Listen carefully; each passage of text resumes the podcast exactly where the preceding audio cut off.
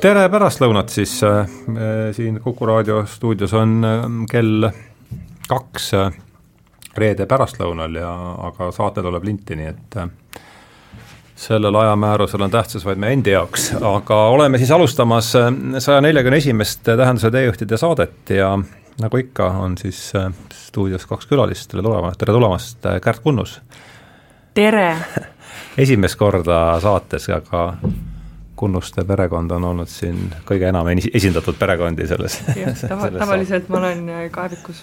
jah, ja tere tulemast, Aleksander Eeri Laupmaa, teist korda, eks ole? tervist, just ja, nii. sada kolmkümmend kaks on olnud meie, oli meie eelmise aasta Paabeli torn koos Kivisillnikuga oli meie eelmise aasta vaadatuim, vaadatuim saade. et rõõm teid näha mõlemaid siin ja, ja ja tänane saade on siis pühendatud mõtlejale, kes punkt üks on andnud äh, siis äh, nime nii äh, saatesarjale kui samanimelisele ajalehele ja punkt kaks, no ma olen üsna veendunud, et ilma ilma temata ei oleks seda ei lehte ega saatesarja ka teistel põhjustel. Äh,, siis äh, aga otseselt me temast ei ole saadet äh, siiani teinud ja juttu on siis äh, Jordan Petersonist, eriti esimese hooaja teemade valikul oli Petersoni nimi või Petersoni mõju oli, oli väga-väga, väga-väga otsene. nii et äh, juttu tuleb siis äh, täna meil äh, Kanada kliinilisest psühholoogist, Youtube'i, Youtube'i oraatorist Jordan Petersonist ja Kärt Kunnus on siin saates eelkõige sellepärast, et ta lõpetas just, millal sa lõpetasid tõlke? Oktoobris oli täitsa, täitsa viimane punkt, jah ja. ja näita palun kaamerasse siis ka seda, see Petersoni kus see kaamera on üldse? kaamera on seal.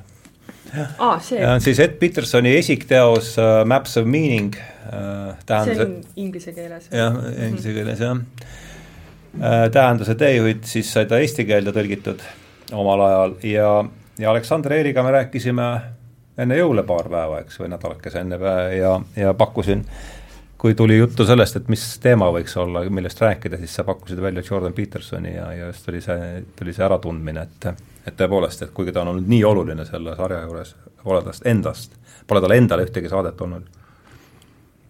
ja sa pakkusid, sa pakkusid mulle alguses välja ju Peeter Paani ja sealt mul see mõte tuli, kuna Peeter Aa. Paan on ka ju keegi, kellest ma seda ei mäletagi, jah. jaa, sest kellest Jordan on palju, palju rääkinud ja, see oli pikk sealt see mõte tuli, sest ja, ma mõtlesin, et see Peeter, Peeter Paani võib-olla saab ääremärkuseks ka millalgi, millalgi ära, ära ma mainida. ma ei mäleta, kuidas me selle, ma ei mäleta, sihuke lustakas pikk jutuajamine oli mm -hmm. ja, ja Peeter Paani teema käis küll läbi, aga ma isegi ei mäleta, kuidas me sinna sattusime. aga no olgu, olgu kuidas tahes, siin me nüüd oleme. ja ma küsiks siis esimese küsimuse, esimese ringi, et kuidas äh, Peterson teile sattus, teie ellu sattus, kuidas ta, kuidas ta elile sattus, et alustame alustame Kärdist. mina koperdasin tema otse Youtube'is põhimõtteliselt et äh, ma üsna aktiivselt äh, vaatasin mm, videosid, millel oli ma ei tea, mis oleks eesti keeles õige termin, aga võib-olla inglise keeles niisugune anti-woke element mm -hmm. juures ja miski selles kõnetas, noh, see, kuidas, see oli lühikene klipp tegelikult, see kõneles sellest äh, või noh, õigemini tema kõneles seal oma õpilastele sellest, et enamikul inimestel ei ole ju tegelikult mingeid karjääre mm -hmm. ja et on rumal naistele sisendada, et nad peaksid tegema karjääri, mitte saama lapsi ja ja et selles seisnebki eluõnn ja, ja ma ise olin seda nii ammu kahtlustanud tegelikult ja siis ma saatsin selle lingi kohe Mihklile ka ja sealt ma hakkasin vaatama lihtsalt Youtube'ist tema loenguid. sa avastasid enne, kui Mihkel ta või? jaa, ja Tõsi mina olin ka see, kes ta sinna üritusele vedas ja mina olin see, kes saatis Mihklile neid asju, nii et jah. vot, vot. Aleksandr minu jaoks jah, kaks tuhat kuusteist aasta sattusin teda kuulama äh, selle Joe Rogani podcast'is. Mm -hmm. ja seal alguses paljud asjad, mis ta rääkis just sellesama woke kultuuri kohta, mis siis ülikoolides juba vohas, kõlas ka mulle absurdsena, ma ei võtnud seda väga tõsiselt, mulle tundus see väikene mõttetu probleem, mis ei saa kuidagi laiem olla, hästi, hästi üle pingutungi, tundus mulle niisugune nagu konservatiivse vanema inimese vaade millelegi, sest eks ma olin näinud ka just noortemate, progressiivsemate, rohkem vasakpoolsusesse kalduvate väljaannete nii nii Ameerikas kui ka Eestis ja mujal riikides näinud, näinud igasuguseid tendentse, aga selleks hetkeks minul ei olnud mitte mingisugust niisugust tunnet või hirmu, et see oleks kuidagi kaldunud või jõudnud mingisugustesse äärmustesse. Ja kui oli, siis nagu nii natukene, et ma ei pidanud seda millekski. ja see, sellest, see osa tundus mulle lihtsalt imelik ja veider, aga siis ta puudutas seal ka seda meie nii-öelda mütoloogilist ajalugu ja tausta, mida me eirata ei saa ja see on see asi, mis nii-öelda haaras minu tähelepanu üsna tugevalt. ja siis äh, ma hakkasin vaatama, eks ole, kõiki tema muid äh, loenguid, mis ta oli ülikoolis pidanud ja umbes siis natuke aega pärast seda hakkas ta tegema ka siis oma seda piibli loengute sarja, mis on äh, minu jaoks kindlasti olnud seni elus üks võimsaim asi, mida ma olen äh, niimoodi äh, kogenud ja mis väga-väga kiiresti ja väga tugevalt suutis paljusid minu nii-öelda arvamusi ja maailmapilti nihutada ja et see on viisteist, viisteist, kuusteist loengut, mis jah, päris, aga see on just, et sellest esimesest äh, Mooses, mis ei esimene loeng, et sellest ei saa kõr-, kaugemale lausest, et alguses oli sõna. jaa, terved, et kaks pool tundi on ainult ja, sellest, aga et ühesõnaga, et siis oli jah, kaks tuhat kuusteist, seitseteist, kaheksateist olid need aastad, kus ma ikkagi nagu ammendasin ja imesin nagu teda ikka suures, suures koguses ja. sisse. No see ilmselt meid siin kõiki seob, kes meil siin kolmekesi täna laua taga oled, kas sa mäletad, millal sa, millal see oli, millal ma arvan, et see oli umbes sama aeg või no see oli nagu mitu aastat enne lapsi, kaks tuhat viisteist või kuusteist võis see olla, jah. no kaks tuhat viisteist vast, kaks tuhat kuusteist oli tal see Si kuusteist, ega siis ta sai olla jah, umbes just, siis. et ta oli mingeid oma loenguid, ta oli Youtube'i enne pannud, aga ja, keegi aga ei teadnud sellest.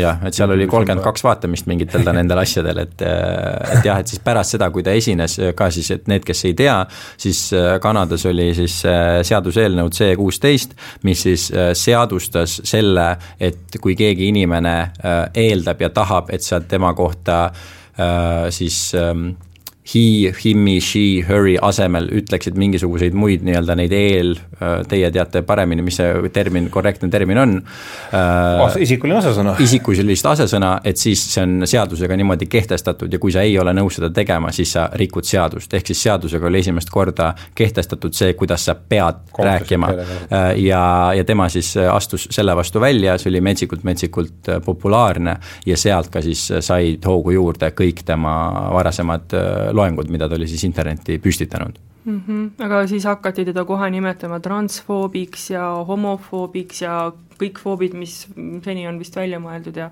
see noh, näitas, et tegelikult keegi ei süvene temasse, sellesse argumentatsiooni, et mis see põhjus on, et sa ei saa kehtestada loomulikku keelt äh, seaduse jõuga, selles oli see küsimus tema jaoks. jah aga no selge, ütleme siis esimesest ringist jäi kõrva niisugune sõnapaar nagu woke, woke culture, et äh, Peterson endast kujutab selgelt, ma usun, et me oleme kõik nõus, et reaktsioon sellele, eks, et et üritaks sellest nähtusest siin teha järgmise ringi, et mis, mis too homme, kuidas seda üldse eesti keelde, ega mul ei ole ka head vastata, aga ärgas, ärkvel mm., aga ainult, et eesti keeles ei ole sellel sõnal sellist konnotatsiooni nagu inglise keeles, sellist, äh, et tegemist on tegelikult justkui poosiga nüüdseks.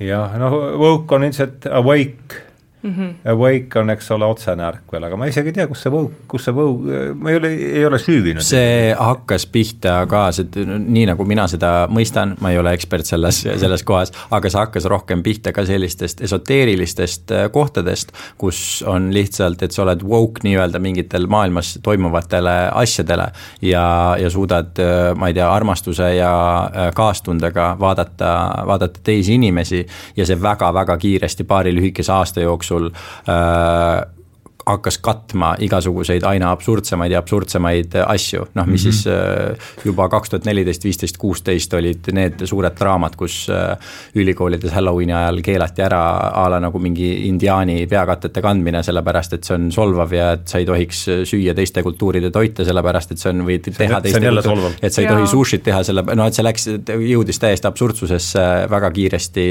välja, et see algas millestki väga heast, jällegi sellest klassikalisest äh, kaastundest, mis meil võib oma kaasinimese vastu olla. ja, ja see lihtsalt läks, kasvas nii-öelda oma nendest tervislikest piiridest väga kiiresti no, see on välja. veider, et empaatia on justkui kuidagi pahupidi pöördunud, muutunud iseenda vastandiks kuidagi. Jah, empaatia vari siis mingis mõttes, eks ole. selle kohta on väga hästi öelnud äh, Jamie Wheel, äh, et äh, viimastel aastatel on kogu see teedikultuur ja, ja kõik see, see woke kultuur on rääkinud sellest, kui tähtis on meie jaoks, eks ole, serotoniin, kui tähtis on meie jaoks oksütotsiin, mis on kõik, eks ole, armastuse, läheduse hormoonid ja kuidas need aitavad meil teisi inimesi mõista, olla just kaastunde, eks ole, kaastunne ja empaatia.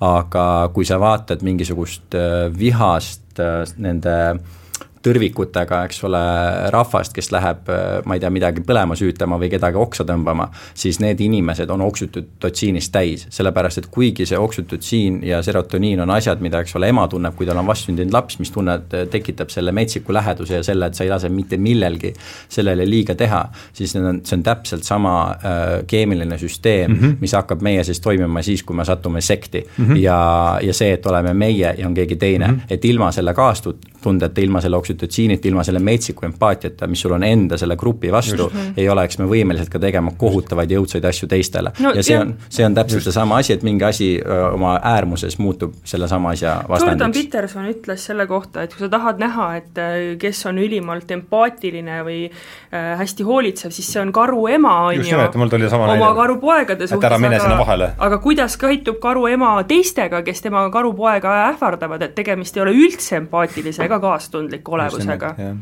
jah, jah, mul tuli täpselt sama näide äh, meelde. jah, ja üks asi on see kemikaalide äh, supp, mis seal all äh, keeb, eks, aga teine on see, noh, mis mina alguses, mis, mis mind tohutult aitas, oli ikkagi seesama suure viisiku mudel alguses, et ähm, et seal see asi taandub sellele äh, mis ta on agreeableness, on ta inglise keeles, eesti keeles on ta koostöö nõustumine või koostöövalmidus, see on nii veider, sest mina olen selle testi teinud, just selle Jordan Petersoni testi ja ma sain selle, see agreeableness'is on vaata kaks veel alamkategooriat ja ma sain need täiesti eri äärmustes. tõsi ka, jah? jaa, et ma sain, et äh, vist viisakuselt olin üheksas protsendil, siis mitte maailma kõige viisakam, ma pean siin praegu väga palju vaeva nägema, et mitte ropendada näiteks vahepeal, aga empaatia osas ma sain mingi üle kaheksakümne, et tegelikult nagu see loomulik loomulik niisugune kalduvus, mul oleks ka olla tegelikult empaatiline, woke ja nii edasi, ja nooremana ma ilmselt olin ka kõike seda, mida võiks praegu nimetada progressiivseks või, või mm -hmm. empaatiliseks, aga ühel hetkel hakkas tunduma, et noh, see kuidagi jõudis nagu peavoolu või ja, ja, ja Aha. sellega hakkasid äh, tegelema inimesed või selle võtsid omaks inimesed, kes äh, ilmselt äh, seda väga palju läbi ei mõtestanud, et see, see ongi muut-, läinud nagu moodi või kuidagi ja see on muutunud lihtsalt nii nõmedaks ja pöördunud iseenda vastandiks. jah, selle kohta on väga hea väljend, mille ma jälle Jonathan Bajolt sain, mis on kaastunde relvastamine ehk siis kaastunne on muudetud relvaks. kas see on see weaponizing? Weaponizing compassion, weaponized compassion, jah, et, äh, et see jah, ühesõnaga, see on täp-, ja minu, minu teekond selles mõttes täpselt samasugune, et mingid asjad, millega ma varem tundsin, et ma väga nii-öelda samastun ja, ja kuulun, kuulun mingisugusesse ka mõttelaadi valdkonda, siis äh, juhtus see, et kus ma järsku vaatan, et oot, aga see on ju natukene absurdne ja sellele mm -hmm. ma ei saa päris alla kirjutada ja see on ju natukene üle piiri minek. ja noh, nüüd see on läinud, eks ole, nagu kakssada kilomeetrit tunnis see rong viimased viis, kuus, seitse aastat aga et kui keegi tahab äh, seda järgi uurida, millest just te rääkisite, siis understandmyself.com on see, kus Jordan Petersonil on see test olemas, kui keegi kuulaja tahab mm, -hmm. tahab iseenda kohta teada saada natuke rohkem jah, mina julgen küll väita seda, et mul kriitilisel elu, eluperioodil oli see suure viisiku mudel oli see, mille külge noh, esi, võib-olla isegi esimene asi, mille külge ma niimoodi, et ahah, et et sinnamaani oli küsimus, et no ma usun paljudele, et miks ma teen neid asju nii no,, nii, nii nagu ma teen. kas mina tohin sinult ka küsimusi küsida või? ei muidugi jaa, jaa. mida sa siis said, mis, mis see oli, mis sind üllatas, mind üllatas see, et mul oli nii äärmuslikult see mind isegi ei üllatanud, vaid see, et ahah, et kui ma sain kohta, kui ma sain enda, see viie viisiku mudel on ju viis telge, eks mm. -hmm. et ma saan, ah, ma olen selles viieteljelises ruumis selles kohas, et sellepärast ma mm -hmm. teen neid asju nii nagu, sellepärast ma reageerin asjadele nii, nii nagu ma reageerin mm -hmm. ja see oli sellel hetkel oli mulle väga-väga oluline teadmine. kui palju siin tohib rääkida sellest, et äh, mida ma nagu olen nii-öelda kaadri tagant kuulnud, et äh, Mihkel ütles mulle, et meil on üks äh, asi sarnane, et Nii. küllalt kõrge neurootilisus.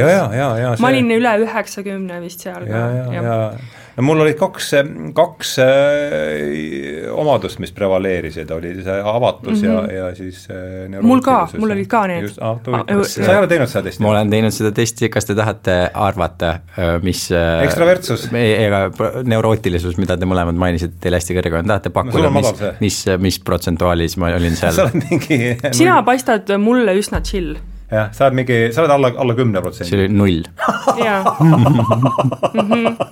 ja kusjuures ma olen vaadanud just, et, et see on üks asju, mis mind on elus hästi-hästi-hästi palju nagu tagasi hoidnud ja takistanud ja teinud nii palju asju raskemaks, et mul oli nagu see, et see conscientiousness oli hästi kõrge, või no mitte hästi kõrge, üle seitsmekümne, aga väga paljude asjade see läheb sihikindluse alla, eks? meelekindlus, järjepidevus, see ah, see on era-, see on kohusetunne, kohusetunne. ma olen, kusjuures ma olen tõesti kohusetundlik tundlik, aga lihtsalt mõned asjad on olnud see oli peatelg, eks ole, selleks omakorda ka industriousness ja, ja töö, töökus ja mis seal veel oli, mäletad? korralikkus, orderliness. et see mul ei olnud nii kõrge, see orderliness, aga see industriousness oli hästi kõrge ja ma olen vaadanud just, et et mõnikord lihtsalt satub mul mingisugune selline periood elus ja ma ei saa aru, kuhu kaob justkui minu see meelekindlus või korralikkus ja, ja ma tunnen, et ma vean inimesi alt, kohutavalt halvasti tunnen ennast mm. -hmm. ja siis nagu ma olen aru saanud, et see tuleneb tegelikult natuke teistest omadustest, ehk siis et äh, jah, sellest, et ma, ma nagu võtan mingisugused asjad kuidagi tulevad, et mul on nagu hästi nõr-, õhuke nahk või, mõnel inimesel on mm -hmm. paks nahk, on ju, et aga tulevad nagu kuidagi läbi ja need halvavad täielikult mm -hmm. nagu kogu olemise ja eksistentsi ja kõik muutub järsku täiesti kohutavaks mm -hmm. ja pöörab ennast äh, pahupidi. aga räägi, sul on tõenäoliselt oli nii palju, kui on olnud juhus sind äh, niimoodi sinuga läbida, et ekstravertsus on tõenäoliselt seal kusagil üheksakümne viie peal. seda mulle ütles kunagi esimene psühholoog, kellega ma käisin rääkimas, et sõjaväest ära saada, siis ta ütles, et, et ma olen kõige ekstravertsem inimene, keda ta elus sees näinud on, et ta ei teadnud. niimoodi saab sõjaväest mina sain, see on pikem, ei püsi kaevikus. see on pikem, see on pikem jutt, mis, aga seda ma ei hakka, ma ei hakka rääkima, aga tema põhimõtteliselt ütles, et see, et ta ei teadnud isegi, et see skaala saab nagu nii ekstreemsusesse minna. et, et jaa, väga-väga hästi palju ekstravertsust, hästi kõik see kohusetunne ja see pigem madal, mitte olematu, aga pigem madal, sealt ka kõik minu laiskus äh, ja siis jah, neurootilisus põhimõtteliselt puudub ja aga siis ka metsikult kõrge nagu täiesti ekstreemis üheksakümmend üheksa, see mm, avatus kogemustele, openness to experience. ja see on asi, mis minu elus on siis ainukene asi, mis on nii-öelda kompenseerib seda neurootilisuse puudumist, mis on siis see et kui sa oled väga avatud, eks ole, kogemustele, sa oled väga huvitatud ideedest, sa oled väga huvitatud igasuguseid erinevaid asju kogema, mm -hmm. no. siis mis, mis juhtub, on see, et ma pakun, et siis teie puhul on see, et mingid uued kogemused, nagu sa kirjeldasid mm -hmm. ka, võib tekitada väga palju stressi, võib olla väga, väga mm, -hmm. väga keeruline. minu jaoks on see, et ma lähen lihtsalt nagu, et suva pole seljakotti seljas, eks ole, et hakkad kuradi mäest üles ronima, vaatame, mis saab. aga kuna see on nii ka ekstreemne, siis see on ainukene koht, kus on minu ellu tulnud see nii-öelda nagu hirm või asi sisse, sest sa võid mm -hmm. mingite asjadega selle neurootilisuse puudumisel nii ekstreemsusesse minna, et sealt mingis kohas sul on see, et täitsa pekkis, kuhu ma nagu välja olen jõudnud, mis ma teinud olen mm -hmm. ja nagu miks ma ilma nagu toiduta kõrbes olen ja mul ei ole, eks ole, tilkagi vett. et see, see nagu on aidanud seda nii-öelda nagu pärssida. kusjuures see on huvitav, et see suur viisik äh, on tulnud nagu nüüd niimoodi ka, et mulle tuli, saatis hiljuti mingi uuringufirma saatis lingi, et palun tee test iseenda kohta ja täpselt samamoodi oli see suur viisik, kas see oli esi, äkki isegi Emori test või mingisugune suurem uuringufirma, et ma ei tea, mida nemad seal siis nüüd uurivad mm. -hmm. et, äh, et samamoodi, see on nüüd jõudnud siin ka, inimesed uurivad no, seda. aga ja siin on tähtis rõhutada, et see ei ole Jordan Petersoni enda mudel, et ta lihtsalt Jordan Petersoni kaudu tuli meieni. see on aga ainus, jah. sest, sest see on äh, asi, mida on ju kasutatud nii-öelda inimeste palkamises, karjääriredelil ja kõik see asi, et mõista inimesi, et seda äri, erinevates firmades hästi palju kasutatakse sellest seda kehvemat versiooni, mis on see mis selle nimi on, kus on nelga telge ainult mõõdetakse, kus mm -hmm. ei mhm. mõõdetagi, kas ongi openness to experience, mida, seda avatust siis ei mõõdeta. ja mida, ka, mida kasutatakse, kasutatakse hästi palju, hästi laial, laialdaselt, hästi palju näete inimestel erinevatel profiilidel, see on kirjas, et ma olen mingi INTJ või ENFP ja vaata kõik need asjad. tead seda ma kammisin teismelisena täiega ja ta on natukene teine asi, ainus asi, mis nendel kahel ühine on, ongi ekstravertsuse, introvertsuse telg, mõnevõrra asendab avatust seal see, et kas sa oled intuitiivne või sensoorne ähm, ja ja siis mõnevõrra avatust asendab ka see, kas sa oled nagu kohaneja või otsustaja, ehk siis see on see viimane täht seal, kas sa oled P või J aga kas see ei ole kuidagi selle Jungi psühholoogiliste tüüpidega, see on sealt, see on sealt väljas kasvanud, eks ole, just, just, just Myers-Briggs täpselt. aga just, just, just. seda on hästi palju ümber lükatud. Myers, mis see teine nimi oli? Briggs. Myers-Briggs. kahe G-ga, et uh, seda on hästi palju ümber lükatud, öeldud, et sellel ei ole teaduslikku alust, tal on natukene just nimelt selles mõttes, et see ekstravertsus ja introvertsus on reaalne telg ja tegelikult muideks selles raamatus Jung mainib ära ka, et, äh, mis Jung jah, Peterson mainib ära ka, et just nimelt Jung oli see, kes selle äh, ekstravertsuse, introvertsuse telje nagu välja töötas või avastas või üldse välja käis, aga tema nimi vaikitakse praegu maha äh, ja, ja ei tunnistata, et tegelikult üks väga oluline osa sellest suurest viisikust ongi originaalist pärit Jungilt. no aga Jungil puudub, endal puudub teaduslik alus, nagu me kõik äh, oleme siin kuulnud ja taha ja see on tõenäoliselt ka suur äh, hulk pahameelt Petersoni vastu on tulnud sellest, et äh, no vot ongi see, et ta tegelikult äh, Äh, väga paljuski ta alustab, ma ütleksin niimoodi selle raamatu kohta, et ta alustab hästi teaduslikust kohast ja ta jõuab välja sellesse kohta, mis ilma mm -hmm. igasuguse põhjata oleks totaalne umbluu mm. -hmm. et äh, aga kuna ta on selle põhja sinna alla ehitanud justkui mingi struktuuri või karkassi, siis sa näed, et kuidas ta sai mm -hmm. sinna. kuigi noh, mõned hüpped on küll nagu täitsa niisugused, et äh, vau wow,, et, et sa teed sihukese nagu järelduse, aga, aga nad on loogilised. aga palun, ma olen, see on minu jaoks nii huvitav, et palun tee väikene sissejuhatus sellele, see on siis Jordan Petersoni avateos äh, Max, Maps of Meaning, tähenduse teejuhid, mida ta kirjutas vist viisteist aastat ja, ja mille kohta ta ütles, et ta on selles raamatus igat lauset vähemalt viisteist korda ümber kirjutanud. ja mida enne seda, kui ta kuulsaks sai, polnud noh mitte keegi lugenud. aga, aga, ma, aga tõesti, see on minu jaoks nii huvitav, et tee mulle ja tee saate kuulajatele mingi väike sissejuhatus, mis see nagu nagu põhitees on ja mida me siin, mida me seal äh, kuuleme-näeme? no tegelikult võib öelda, et kes on lugenud seda kahteteist elureeglit, see on justkui nagu äh, pindmiselt riivanud seda, mis siin on mm. -hmm. See on põhimõtteliselt tema teekond selleni, kuidas ta sinna jõudis, mingis mõttes mm. -hmm. et ta alustab üsna-üsna nagu põhilistest asjadest, alustab neuropsühholoogiast, sellest, kuidas aju on üles ehitatud, äh, mis on äh, evolutsiooniliselt, millised ajuosad on vanemad, nooremad, on ju, mis eristab mingi, ma ei tea, loomi taimedest ja miks loomadel on vaja aju ja nii edasi, on ju, ja, ja, ta läheb nagu edasi sellisesse kohta, et äh, ta hakkab tooma näiteid hästi palju lugudest, müütidest, rahvajuttudest ja väidab, et see, mis on jõudnud tänase päevani, et see on justkui nagu välja filtreerunud tarkus, tegelikult see kõik on, tal on loengusari ka selle kohta, on ju. ja tema see ju-, loengusari Youtube'is, see, mida ta siin raamatus mitme aasta sarjad on veel ja just nimelt, on ju, et mida ta siin raamatus pole maininud, aga mida ta näiteks loengusarjas hästi palju toob näiteks, on Pinocchio mm. -hmm. aga noh, siin seda ei ole, et siin on hästi palju seda Enuma Elishi, mis on see mingi loomismüüt ja, ja see on Sumerev? Mm. -hmm. just nimelt ja, ja sellest, kuidas kaosest tekib justkui kord ja kusjuures kaosel ja kaosel on ka vahe veel, et see kaos, kus kord ja kaos on koos, on teistsugune kaos kui see kaos, kus kaos ja kord on eraldi, et äh, see on siis see tohuvabohu selle jaa, et sealt tulevad nagu, et sellest ürgkaosest justkui kasvavad välja eraldi kaos ja kord ja neid ta siis toob väga paljude müütidega võrdleb, et kuidas üks on jumalanna ja teine on see jumal, ja siis nende omavaheline äh, liit, sellest siis sünnib äh, keegi kolmas, ehk siis kas inimene või lubatud prints ja tema ülim teekond on siis põhimõtteliselt jõuda Jeesuseks või saada Jeesuseks nagu, et ta toob nagu selle ka, et kuidas noh, seletab ära selle ka, kuidas põhimõtteliselt Jeesus kui karakter või tegelane, see kristlik usk, et kuidas see on kõikide nende vanade müütide loogiline jätk.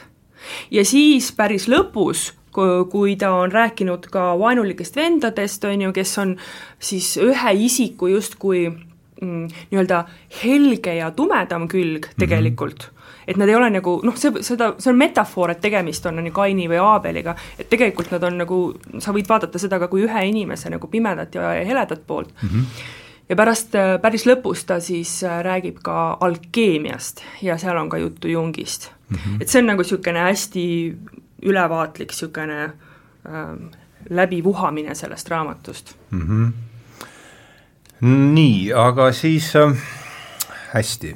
Äh,, hakkasime pihta sellest, kuidas me temaga tuttavaks saime, woke culture'st. Ja üks võimalus seda siis defineerida on empaatia vari ja ma tõmbaks selle varjule siin kaks joont alla, et, et noh, minu jaoks, kelle, kelle jaoks oli noh, Jungli, Jungist ma olin kuulnud ja siit-sealt midagi ikka tuli tast ette, aga aga kui ma nüüd tagantjärgi mõtlen Jordan Petersoni tähendust enda jaoks, siis ta tõi ikkagi minu jaoks Jungi, äh, ta tõi siis reaalselt Jungi, Jungi minu, minu ellu ja tekitas huvi selle vastu, kuidas teil selle koha, koha, sellega, sellega on, just see läbi selle empaatia varju liikusime. Äh, ma vabandust, et ma maailma kõige ekstravertsemale inimesele esimesena sõna ei anna, mina olen ka küllalt ekstravertne, aga mitte nii väga. Äh, minul on ausalt öeldes niisugune pelutav eelhoiak Jungi suhtes, sest et mõned aastad tagasi Mihkel, minu abikaasa, siis kirjutas Jungist üsna pikalt ja ma mäletan seda, et tal nagu juuksed justkui läksid veel rohkem krussi ja ta oli nagu kuidagi eriti niimoodi silmad niimoodi seal arvuti taga ja nädalate kaupa luges neid raamatuid ja mul kuidagi nagu e, jäi niisugune mulje, et, et selleks peab nagu tõesti paar nädalat võtma kuskil vaba aega ja et sa nagu ja noh, see, see keerab ja kammib sassi sind ja nagu, et nagu süveneda on raske ja, ja, ja nii edasi et äh, sellepärast ma nagu olen veits pelganud äh, temaga rohkem tutvust teha. nagu ometi Peterson, minu arust on Pit-, kas ta, Peterson ikkagi Jungist üsna läbi imbunud, imbunud. Jaa, täiesti kindlasti ja ma olen sellega täiesti nõus ja ma saan täiesti aru ka äh,, Kärt, on mul nimi õigesti meeles ja, ja äh, mida Kärt ütles selle kohta, sest Jung ongi fucking äh,, vabandust, ma ropendan, aga nagu äh, luuüdini läbi hirmutav mingites oma aspektides, mis ta võib lahti teha. minu jaoks mis ta tunnistas see... ka Peterson ise mitme, mitmel korral. et minu jaoks, mina esimest korda puutusin Jungiga kokku, ma loomulikult teadsin, olin kuulnud temast äh,, aga kaks tuhat neliteist ma lugesin tema kommentaare siis Tiibeti surnu, surnute raamatule. Jungi kommentaarid. jah mm -hmm ja ma ei saanud sellest absoluutselt mitte midagi aru. ma sain aru, et ma pean veel hästi palju teadma ja kasvama, arenema selle jaoks, et ma midagi saaksin temast aru. ma olen hiljem lugenud mingeid üksikuid asju siit ja sealt. Äh, noh, a la ka mingeid väljavõtteid tema sellest, mis tal memuaarid, eks ole, on, mis on kergesti loetavad. ja sul viimases saates Ivar Trööner mainis mingisugust viit tema loengut, mis ta on kuskil pidanud. aga ma ütlen ausalt, et ma ei saanud aru, kust ma neid leida saan. kas see pole ma... mitte, eesti keeles on välja antud analüütilise analüütilise psühholoogia selles avatud, ma ei ole kindel, kas me samast asjast räägime, aga mulle ta haakub ta kõige rohkem sellega okay., analüütiline psühholoogia välja antud selles avatud raamatus. aga ühesõnaga, et, et jõuda selle pointini, on see, et mina olen teda väga vähe lugenud, rohkem ka läbi teiste nii-öelda, teiste kanalite tema ideedega kokku puutunud ja siis äh, loomulikult viimased äh, noh, kuus aastat väga tugevalt tegelenud kogu sellesama äh, varjuteemaga, mis on ja väga palju muud ka, mis on temalt tulnud ka, kas siis läbi Jordan Petersoni või teiste inimeste äh,, kuulanud igasuguseid neid erinevaid Jungi analüütikuid, et hästi palju temaga seotud äh, seotud teemasid, mis ongi väga-väga tugevalt raputanud ja mis on siuksed nagu noh, ikka siuksed suured pähklid, kuhu nagu naljalt hammas ümberringi ei mahu, aga sa saad aru, et seal on midagi ja igale poole isegi ei julge vaadata, sest see ongi sihuke nagu kogu maailmapilti tugevalt, tugevalt raputav. Yeah On. ja, ja see ka näitab tema seda võimu, esiteks, et kui palju sinu saadetes on Jungist jutt tulnud ja kui palju on Jungi järglasi, Jungi erinevaid koolkondi, erinevad inimesed temast kirjutanud, kes kõik siis nagu võtavad noh, samamoodi, eks ole, nagu piiblit tuhandeid aastaid, eks ole, tõlgendatakse, kirjeldatakse lahti ja Jungiga täpselt samamoodi, et oli niisugune kuradi allikas või kanal, et siiamaani lihtsalt nagu, kus inimesed räägivad ja teevad saateid ja kirjutavad raamatuid selle jaoks, et lahti mõtestada mingisuguseid asju, mida tema võib-olla kirjutas kaks või kolm kolm lauset kuskile mm. -hmm. ja, ja selles oli see power lihtsalt nii suur. et, äh, et jah, minule ka Peterson kindlasti väga tugevalt aitas, aitas nagu sellesse maailma. tõi selle temaatika ikkagi õuele, et sellest mm -hmm. no see põhiline kriitika, mida Jungi suhtes tehakse, on ju see, et sa ei saa järele kontrollida seda, mida tema kirja pannud, tema meetod on põhimõtteliselt selline, mida ei saa nimetada teaduslikuks mm, -hmm. et mhm. seal on hästi palju niisugust sisekaemuslikku, on ju nii nagu meie teadusest aru saame või nii nagu Just nimelt. nii, see, mida Aktuaalne kaamera te teaduseks peab praegu. just nimelt, et ja, ja sa ei saa nagu minna sinna midagi mõõtma konkreetselt mingisuguse, ma ei tea, kraadiklaasi või mõõdulindiga, on ju, et et äh, aga samal ajal samal ajal, kui me läheme selle woke-kultuuri juurde tagasi, me peame võtma äh, põhimõtteliselt täiesti iseendastmõistetavalt seda, et keegi teatab, et tema näiteks kuigi ta on sünnipäraselt mees, et äh, ta ei olegi näiteks, et ta on hoopis naine või hoopis mingi muu asi nagu.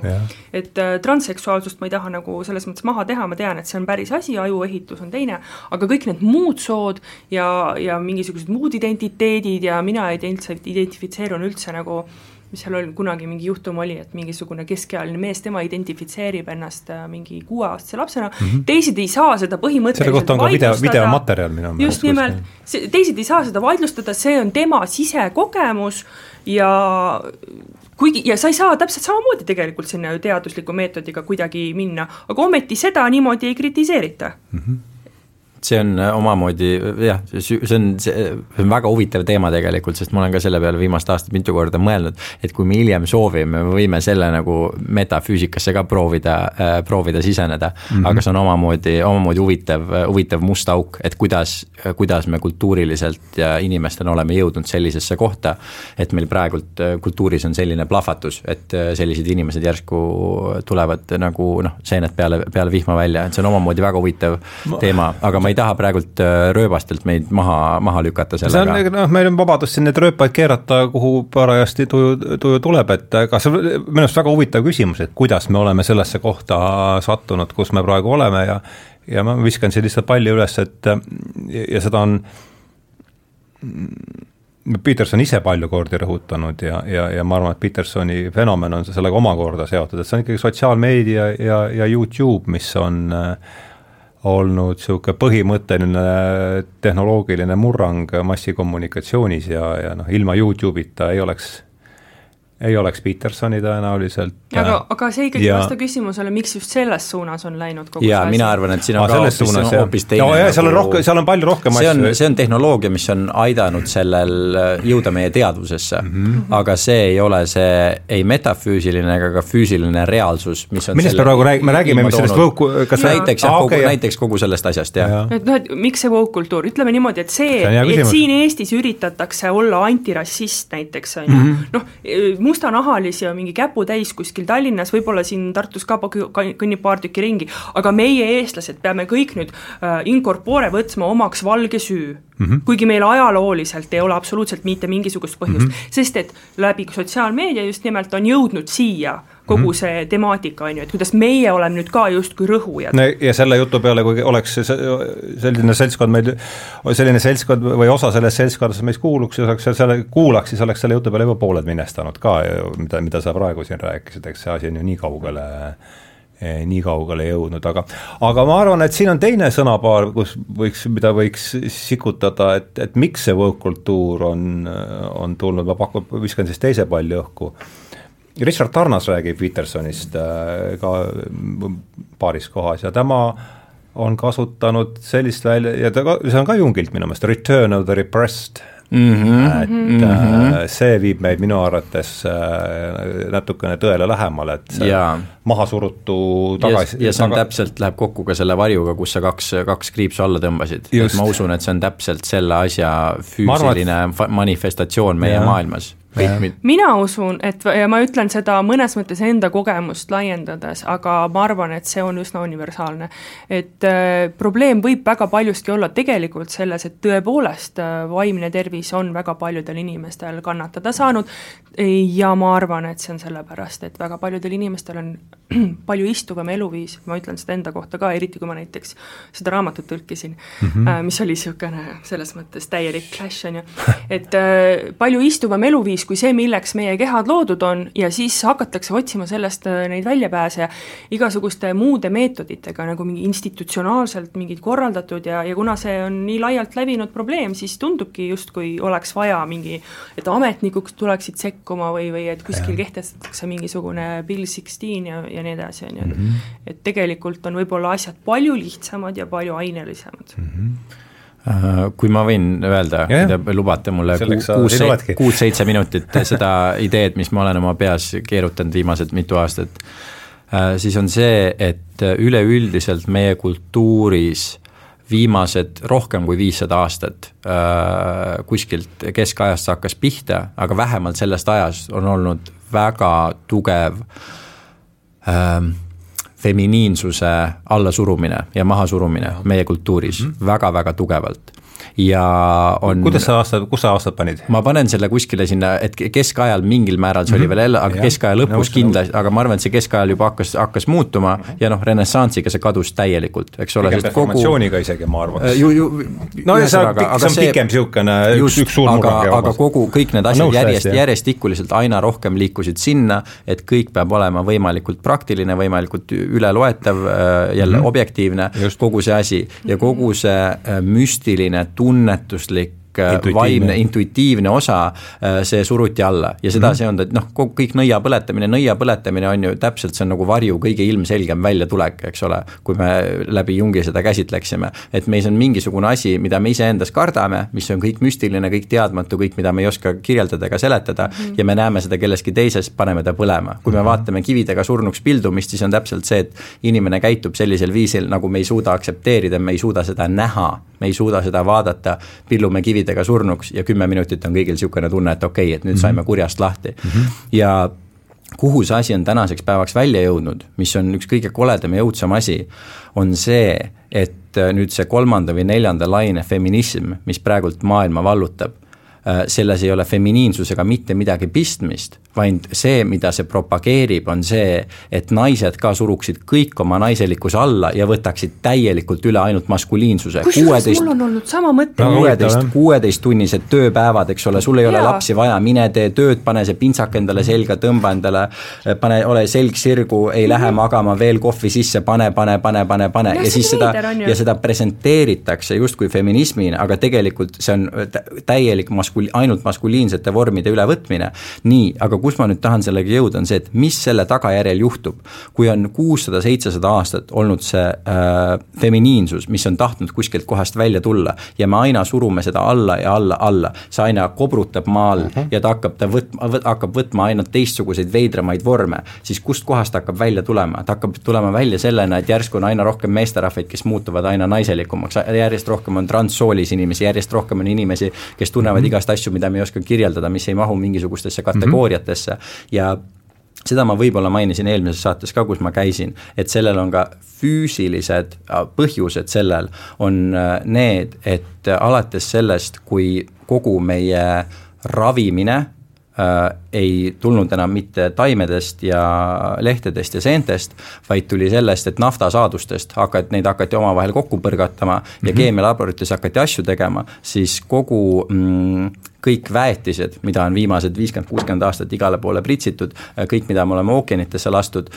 seda on tõestatud kümneid ja kümneid kordi, et need asjad mõjuvad inimestele ksenoöstrogeenidena, ehk siis loodu-, kehast väljastpoolt tulevate naissuguhormoonidena. ja kuna me oleme juba füüsiliselt näinud, kuidas nii äh, kalad, konnad, igasugused olevused vees võivad väga kiire ajaga kas muutuda äh, kakssooliseks või oma sugu vahetada, siis samasugune asi on viimased viiskümmend, viiskümmend aastat vähemalt Äh, toimunud ka inimeste, inimeste kehadega. aga mina ütleks, et kui ma vaatan seda nagu sellest metafüüsilisest vaate, vaatepildist, siis see kõik saab alguse sellest samast naiselikkuse mahasurumisest ja sest kust kohast tuleb selline asi, et me hakkame naftat töötlema ümber selle jaoks, et me saaksime mingeid kemikaale teha, mis mingeid kindlat sümptomeid ravivad, on seesama maskuliinne instinkt, et ei, siin on pluss ja siin on miinus ja siin on need kaks asja põrkavad kokku, et see on täielik maskuliinne maailma, maailmavaate. kui saab mõõta, siis on olemas, kui ei saa mõõta, siis ei ole olemas. seda ja... peab küll ütlema, et neid äh, indiviide, kes äh, nii-öelda tahavad justkui saada maskuliinsest feminiinsemaks, ehk siis kes tunnevad ennast naisemana, kui nad justkui sünnijärgselt peaksid olema,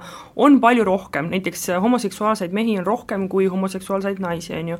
mehi, kes tahavad saada naiseks, on rohkem kui naisi, kes tahavad saada meheks, ehk siis see nagu näitab seda tõesti, et et need põhimõtteliselt need ained mida sa saad näiteks kilepakendist või mis iganes, et see kõik mõjutab eriti just meeste hormonaalset süsteemi mm. -hmm. et noh, nagu e, viimase põlvkonna meeste mingi testosterooni tase on palju langenud ja nii edasi. jah, kaheksakümne aastaga põhimõtteliselt kaheksakümmend protsenti, põhimõtteliselt protsent aastas, see on metsik, metsik, metsik. ja, ja kusjuures mul on ka käinud see mõttekäik ja see oli mul juba tõesti juba keskkoolis, et oota, miks tähendab feminism seda, miks see võrdsus peab tähendama seda, et sa naisterahvana äh, mitte, et sul on lihtsalt võimalus olla, teha neid samu asju nagu mees, vaid et sa justkui pead, pead. sest et mina ütlen ka naisena seda, et et äh, mina tunnen näiteks päris kindlasti seda survet, et ma peaksin olema justkui kogu koduhaldjas, hea ema, aga samal ajal ma pean tegema kõiki neid teisi asju ka, mida mehed, et ma peaksin saama ka omale hea töökoha ja tegema karjääri, et ma peaks tegema nagu mõlemat mm. -hmm. et äh, ja see, see on feminism ja, siis, et sul on nagu ajal... nagu see mõlema asja surve, on ju. ja, ja samal ajal see paradoks selles on see, et kui sa siis teed seda kuusteist tundi päevas karjääri, mida sa peaksid tegema selle feminismi maailmavaate kohaselt, siis sa seda karjääri tehes, siis lihtsalt aitad kaasa kõikidele nendele probleemidele, mis on tekitanud meil maailmas selle olukorra, milles me, eks ole, süüdistame mehi ja kõiki suurkorporatsioone ja kogu seda äh, saavutamise ja jõudmise maailmavaadet, eks ole, millega me oleme jõudnud pära perse. aga siis võttes selle neljanda laine feminismi vastu, siis sa peaksid naisena justkui lihtsalt sellele iga päev kaasa aitama ja siis samal ajal kiruma seda, et pagan, miks me sellises kohas aga oleme. seal on veel see konks ka peal, et nad tahavad, et nüüd, et töökohad oleksid mingid safe space'id, ma ei tea, mis eestikeelne termin on, et ma ei tea, äh, mingid äh, ülikoolid oleksid safe space'id, et nad tulevad nagu sellisesse ruumi, mis traditsiooniliselt on olnud tegelikult mingis mõttes maskuliinne, näiteks ülikool, on ju, või mingi teadusasutus, ja nad tahavad selle ka pöörata mingisuguseks niisuguseks kus ei ole objektiivset tõde, kus ei maksa see, et mingisugune asi on näiteks äh,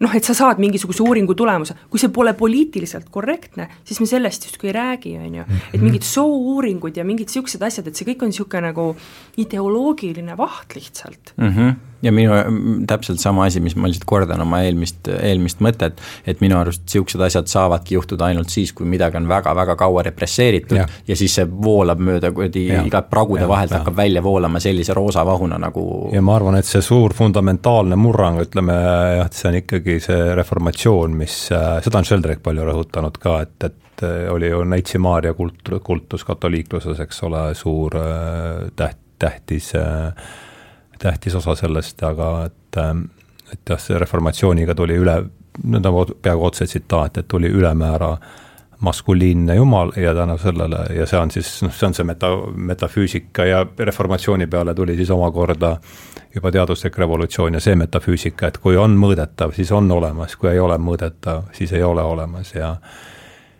ja, ja kust ma tahaks ka võib-olla öelda, et kus Jordan Petersoni, mis tema üks kõige nii-öelda nõrgem külg on mm -hmm. ja miks ma usun, miks ta ka nii palju seda viha enda kaela saab, on see, et tema, eks ole, põhilised asjad, mida ta maailma nii-öelda ütleb, on see, et mehed, võtke ennast kokku, võta vastutus, äh, selg pane sirgu ja hakka lihtsalt, äh, hakka lihtsalt panema.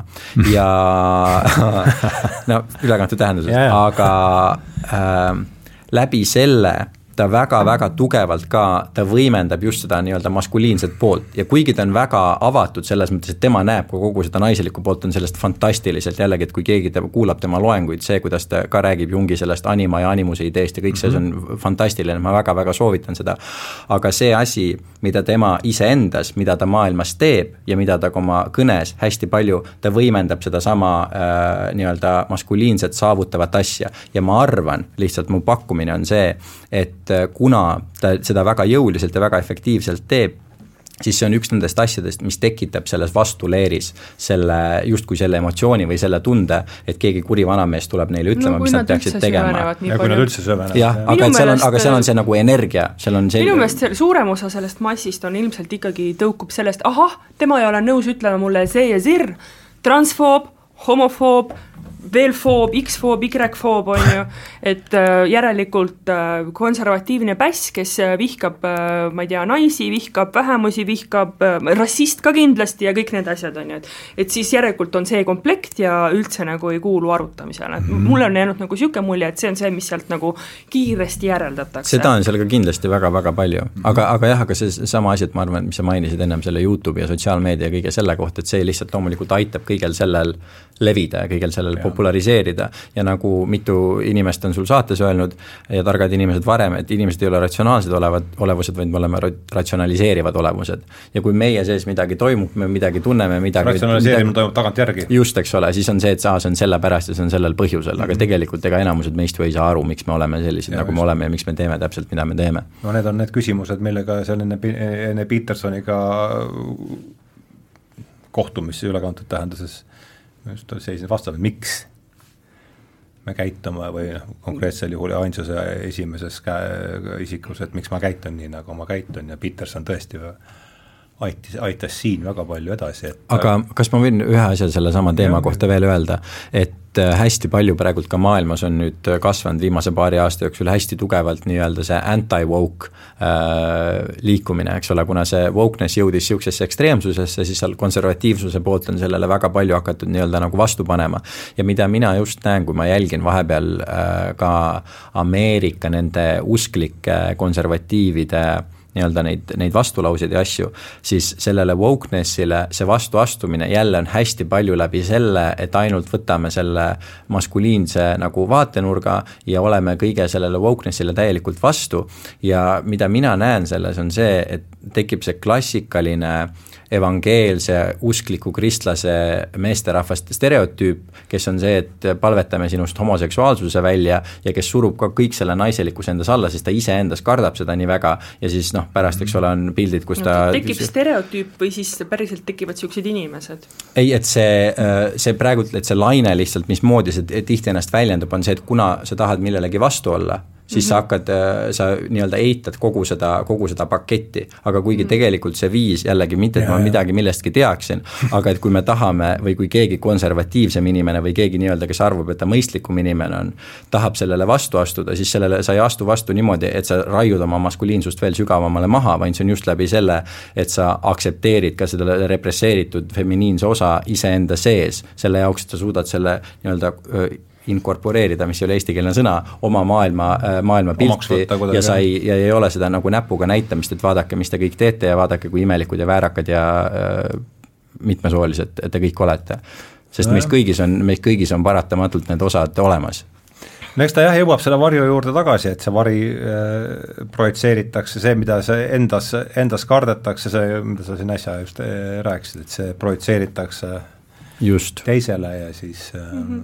ma tooks enda ühe kogemuse minevikumälestuse ka siia, et enne, kui see äh, woke-kultuur siis Eestis äh, niimoodi väga kuidagi hakkas ennast liialdama, siis mäletate aastatel seal kaks tuhat neliteist, kolmteist, kaksteist, kas oli minu meelest see aeg, kus toimusid kõik need esimest korda Eestis niisugused kodaniku meeleavaldused ja, ja justkui niisugune äh, kas see oli see hartade aeg, sa pead neid hartad, aktad, pipad, mis mm -hmm. iganes, on ju, et mm -hmm. siis tulid need meeleavaldused, inimesed tulid kokku, nagu kodanikuühiskond tekkis, äh, vist see partei, see siin Tartus, see Vabakund ja no rahulolematus kasvas. jaa, just nimelt, aga just, just see, nagu ma mäletan, et mina läksin siis sellega nagu kaasa, et see oli siis sellel ajal see mm -hmm. minu vo nagu voolus või või hoovus või suund või mis iganes, et äh, et justkui inimesed ise ja niisugune nagu lokaalne roheline mõtteviis ja, ja nagu ma olin sellel ajal noh, hääletasin sotsiaaldemokraatide poolt ja nii edasi, on ju, ja, ja siis ühel hetkel ma nagu kuidagi kellegagi vist äh, jäin vaidlema, ma ei mäleta, minu meelest üks põhilisi kohti, kus ma nagu jäin kellelegi jalgu, oli see Facebooki grupp, see Virginia Woolfi grupp.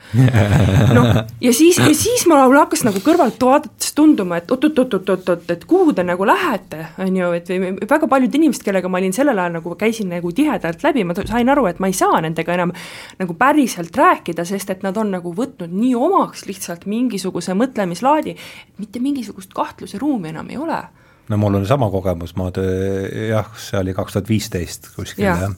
ja just enne seda, kui ma pööki tegin, oli sama kogemus, et nende sõpradega, kes, kellega ma varem äh, läbisin, et läks noh, täpselt, täpselt sama, sama lugu, jah. ja, ja minul on ka täpselt samasugune kogemus olnud mm. -hmm. no nii, ja siis tuli kaks tuhat kuusteist ja teie avastasite Petersoni siis mm -hmm. kohe suhteliselt pärast seda, äh, mina siis, minul tuli natuke hiljem, kaks tuhat seitseteist kevadel ma pakuks. aga mis siis äh, noh, see on nüüd see, see pinnas, mille pealt ta kerkib, see woke-kultuuri vohamine ja ja see return of the repressed või mahasurutu tagasitulek, aga mis siis edasi köitis, mis edasi temas köitis? No mina igal juhul hakkasin kuulama tema neid loenguid ja mida sa ka enne mainisid, need piiblilood, et minul muutus ühel hetkel isegi niisuguseks igapäevaseks, ma ei tea, kas seda saab isegi traditsiooniks, see oligi mu eluviis põhimõtteliselt. et äh, ma maalisin äh, ja kuulasin Petersoni Aha. ja ma kuulasin neid tema loengusarju lihtsalt ma ei tea, kui palju kordi läbi mm. -hmm. ja, ja mm -hmm. nii mõnus oli ja mul oli kogu aeg niisugune tunne, nagu mul oleks tiivad all või, või kuidagi, et, et päriselt nii innustav ja nii tore ja kuidagi andis hästi palju niisugust hoogu mm -hmm. teha seda, mis päriselt ka nagu mind mingis pikas perspektiivis aitab.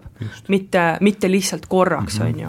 et, et ja, ja läks tõesti selles mõttes, et ma pärast seda ma jätsin suitsetamise maha, on ju, nüüdseks ma pole juba mitu aastat alkoholi joonud ja et, et mingisugune niisugune just see, et sa teed seda, tal on üks reegel, ongi vist selline minu meelest, et tee seda, mis, äh, millel on tähendus, mitte seda, mis on hetkel, hetkeliselt mõnus mm. -hmm. ma ei mäleta, mis see reaalne tegelikult. see ongi minu meelest esimeses, esimese raamatu ja, üks reegleid, jah. et äh, ja, ja kuidagi ma võtsin selle nagu hästi omaks ja, ja minu isiksusega see nagu hästi klappis ka ja hiljem on nagu noh, ütleme nüüd, ma olen muutunud hiljem veel kohusetundlikumaks, kui ma siis olin ja ja, ja nüüd on nagu kuidagi läinud hästi, et äh, jah, et, et ma nagu hästi positiivne mõju, ainult et noh, ega mina selles mõttes, et keegi meist ei ole, on ju, ingel ega midagi, on ju, et, et aeg-ajalt lihtsalt nagu tundub äh, ma ei tea, kas see on see maskuliinsus või, et äh, see lugu ka, mida ta räägib siin selles raamatus, et mis on see loogiline äh, inimese elukäik justkui mõnes mõttes,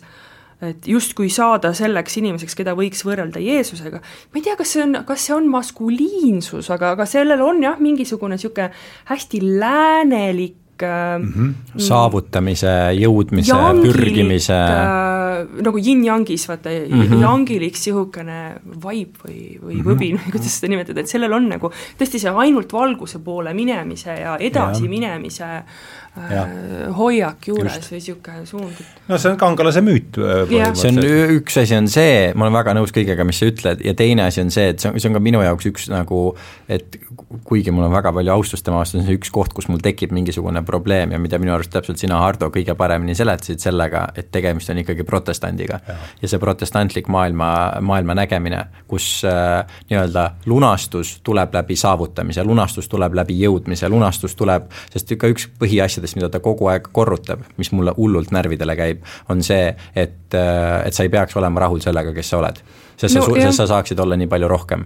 ja äh, ma saan sellest aru, ma saan sellest, ma saan. enamiku inimeste ja aga, aga seal on, vot, aga seal on minu jaoks see, see kild, mis mul on niisugune uh, mis, mis äh, on see, et see, et sa saad olla nii palju parem ja see, et sul on praegult hästi palju vigasid, ei tähenda seda, et samal ajal, kui sa proovid paremaks saada, sa ei saa rahu teha sellega, mis sa praegu oled. aga vaata, üks asju, mida ta ütleb, on ka see, et kohtle ennast nagu kedagi, keda sa pead aitama, on ju. Mhm. ja, ja, ja see on kelle eest sa vastutad. mis on, mis on fantastiline nõuanne. kusjuures mina ise olin kunagi enda jaoks selle sõnastanud, see ammu enne Petersoni, just täpselt see niimoodi, et mulle tundus, et kõige paremini kohtlen ma ennast siis, kui ma kohtlen ennast nagu vanem last on ju, nagu lapsevanem last, keda sa päriselt nagu armastad, aga kellel sa ei lase teha nagu asju, mille kohta sa tead, et see ei ole sulle nagu hea mm. -hmm. mitte, et sa lihtsalt annad endale piitsa mm. -hmm, ja põhimõtteliselt see ongi sama asi mm, -hmm. sama reegel. see minu, minu ja, see äh, või vabandust, sa tahtsid lõpetada? ei no lihtsalt ongi see, et sa ju, see on mõnes mõttes inimese edasisurumine, aga ikkagi niimoodi, et, et sa ei sunni kedagi üle oma varju hüppama ja nagu sa ei tee liiga ja, endale. ma teen, äh, ma teen siin selle, selle kommentaari, et miks mul on sellega probleem. mul ei ole selle pürgimise, selle saavutamise osaga, mul ei ole probleemi. mul on probleem sellega, mismoodi ta ennast sõnastab sõnastab ja mida ta väljendab, sellepärast et kui sa ütled ükskõik kellele, et sa ei peaks olema rahul sellega, kes sa oled, sellepärast et sa saaksid olla hästi palju parem, siis mis seal taga on, idee on see, et see tähendab, et sa mitte kunagi ei peaks olema rahul sellega, kes sa oled mm, -hmm. sest sa mhm. alati saad olla parem. ja see on minu arust täpselt niisugune protestantlik kannatuste jada, et sa kogu aeg pead pürgima, ma olen sada protsenti mhm. nõus sellega, et me kõik inimestena peame kasvama ja arenema, aga selles, vaata maailmapildis, mis sa sellise lause ütlemisega tekitad, on see, et mitte keegi ei peaks mitte kunagi rahul olema, lihtsalt pürgime ja pürgime edasi ja kannatame samal ajal. see on sama ka, üks, ükskõik mis suunas me läheme, kui me läheme selles edasi pika, pika, piisavalt kaua, siis me jõuame absurdi välja, minu meelest. See on no jaa äh..., aga vaata, selles raamatus, mida mina tõlkisin, on, on sellel natukene nagu põhjendus ka, sest asi on selles, et inimese aju on niimoodi üles ehitatud, et sa, et sa, sa lähed kogu aeg edasi, sa ei olegi loodud paigal seisma, on ju. Mhm et äh, aju ei ole lihtsalt kohanenud tegelikult sellega, et sa justkui jääksid seisma. kas mäletaks, te mäletate seda, ta tõi mitu korda näiteks, on mingi mereelukas, kes sööb enda aju ära. jah, noor, noorusest tuuseldab seal merepõhjas mm -hmm. ringi, aga siis pensionil läheb niimoodi, et aju ära ja aga jääb paigale. nii, ma saan sellest kõigest aru, ma siin tahan jälle öelda, see on mu teine kõige suurem probleem Petersoniga, kõigest austusest, mis mul tema vastu on mm -hmm. hoolimata. esimene oli siis see, et ära ole omaga just, et ära ole iseendaga rahul, sest sa saad olla parem, minu arust see on, see on juba loogi-, ebaloogiline mõtlemine, saad olla rohkem, eks ole. Mm, -hmm. nii, ja teine probleem on sellesama asjaga, et mis on, kuida-, mida ta väga hästi kirjeldab ja seletab, kuidas inimesed saavad positiivseid emotsioone, on läbi selle, et sul on eesmärk ja sa tunned, et sa liigud sinnapoole. Mm. -hmm. täiesti koherentne, loogiline ja jumala õige väga kõikidele inimestele soovitan, kui sa tahad positiivseid emotsioone kogeda, siis see on sinu jaoks vajalik, et sul olid eesmärgid ja sa tunned, et sa liigud nende suunas, aga siin on väga suur aga. Emotsioon tuleb ladinakeelsest sõnast emoveira, mis tähendab häiritust, häirimist. ja vahet ei ole, kas tegemist on positiivse emotsiooniga või negatiivse emotsiooniga, emotsioon on miski, mis häirib meie rahulikku, loomulikku olekut. ja kuigi tema see kontseptsioon kas loomulik olek on rahulik või äh,? Room-, selles mõttes, et loomulik olek on Ütleb see, inimene, kellel on null neurootilisust. loomulik olek on see, kus me ei ole emotsioonidest, ei positiivsetest ega negatiivsetest mõjutatud, mis iganes see on, nii, mis ma tahan öelda ja kustkohast, see on üks, üks see probleem, sest see on see, mida emotsioon, emotsioon ei ole loom-, emotsioon on mingi asi, mis loomulikkust mõjutab, emotsioon on miski, mis loomulikkust häirib. mis mõjutab äkki seda nullpunkti, aga loomulik ongi see. ei, see on loomulik, et need asjad tulevad ja lähevad ja, aga et ikkagi emotsioon on miski, mis häirib seda, kui me võtame suure kongi, eks ole, sa saad seda Nii. kongi lüüa, sa saad selle kongiga tekitada disharmooniat ja sa saad tekitada harmoonilisi helisid, kas me oleme mm -hmm. nõus sellega? kui sa tekitad ja. harmoonilisi helisid, positiivne emotsioon, ilusad helid, väga mõnus, kui sa teda teiselt poolt lööd, sa tekitad mingit kakofooniat, ebameeldivad helid äh,, vastik okay.. aga need on mõlemad emotsioonid ja kong saab lihtsalt seista paigal, kong saab lihtsalt olla. ma, las ma lõpetan oma lõppe, sest ma tean, et sul on midagi huvitavat huvitavat ka öelda. mul on kaks huvitavat mis seda, aa, ah, raamatut, jaa. et äh, aga kus on jällegi minu jaoks Petersoni üks kõige nõrgem koht, on see, et äh, on mingisugused sellised äh, spirituaalsed hingelised teadmised või kogemised, mis on tal puudulikud. Ja sellepärast mina ütleksin, et kui keegi tahab Petersonist saada mingisugust nagu äh, täielikku äh, pilti või midagi, mis, mis annab sulle äh, kõik, kõik need teadmised ja kõik need tarkused, siis sul on selle kõrvale vaja kedagi sellist, keda ta on ka kritiseerinud korralikult, kes on näiteks Alan Watts.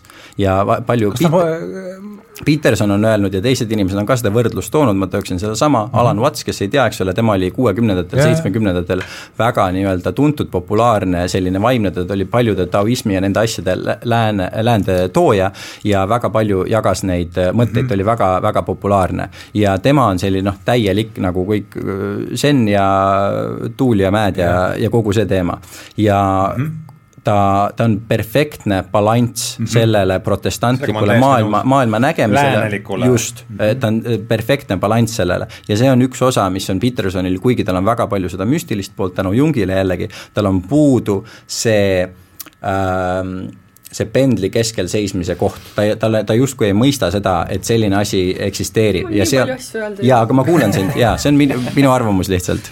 lase käia, Kärt. okei okay,, esiteks äh ei tulene positiivsed emotsioonid ainult sellest, kui sa liigud oma eesmärgi poole, mida ta ka ütleb, et niisugused äh, ained, mis ajust äh, nii-öelda mõju avaldavad, äh, nagu serotoniin, dopamiin, oksüdotsiin ja nii edasi, need, need kõik tulenevad e, need on erinevad niisugused neuroloogilised süsteemid, mis lihtsalt probleem tekib selles, kui sa tegeled näiteks ainult sellega, mis praegu sulle rahuldust teki-, annab, siis sul niisugused pika, pika, see, mis annaks sulle näiteks serotoniini, siis sa seda nagu ei saa, sa saad ainult dopamiini. on ju, üks, üks asi on see ja teine asi on see, et aju, inimese aju ongi loodud tegelikult äh, selleks, et liikuda edasi nagu muutlikus süsteemis ja mida ta ütleb ka, on, et inimese kõige nii-öelda parem koht, kus olla, on tundmatu ja tuntu piiri peal on ju. ja sellega ma olen nõus. ja, ja mina ütleksin, et see ongi see kongi koht, aga mm. kui sa nagu kuskile noh, ei liigu, on ju, või sa oled ainult selles tuntus, siis äh, sa sama hästi nagu võiksid surnud olla sellega ma olen kõigega nõus, ma ei, jaa, ma olen kõigega mm -hmm. nõus, mis sa ütled ja aga ma ütlengi, et, et see, mida ma üt-, pean selle kongi keskmiseks, selle pendli paigal, paigalseisu kohaks, ei äh,, ei välista kõike mm -hmm. seda, kõike seda, mis sa ja mina, ma, ma, ma olen kuidagi intuitiivselt ka Aleksandri, Aleksandr Ööriga nõus, sest on, sinna kõrvale on ikkagi midagi vaja, sest ta oli alguses Kas... küll kohut-, ta oli väga-väga oluline, aga ma toon, ma toon näite Äh, siis, kui ma hakkasin teda väga palju äh, fännama, siis äh, millalgi ma nägin seda, kuidas ta kuskil Facebookis ja Twitteris jagas mingisugust teadusuuringut, mis siis tõestas seda, et mediteerimine on mõttetu.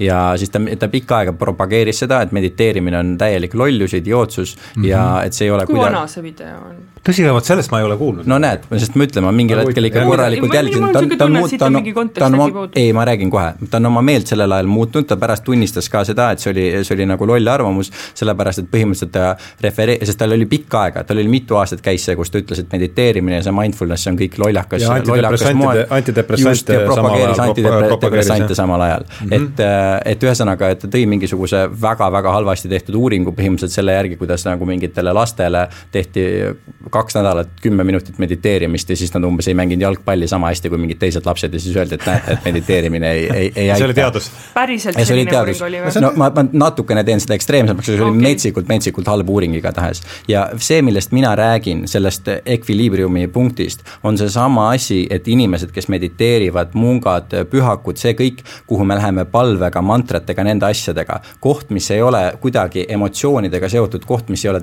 seotud pürgimisega, koht, mis ei ole seotud millegi eest mm -hmm. põgenemisega, koht, mis on seotud lihtsalt reaalsusega sügavama kontakti loomiseks.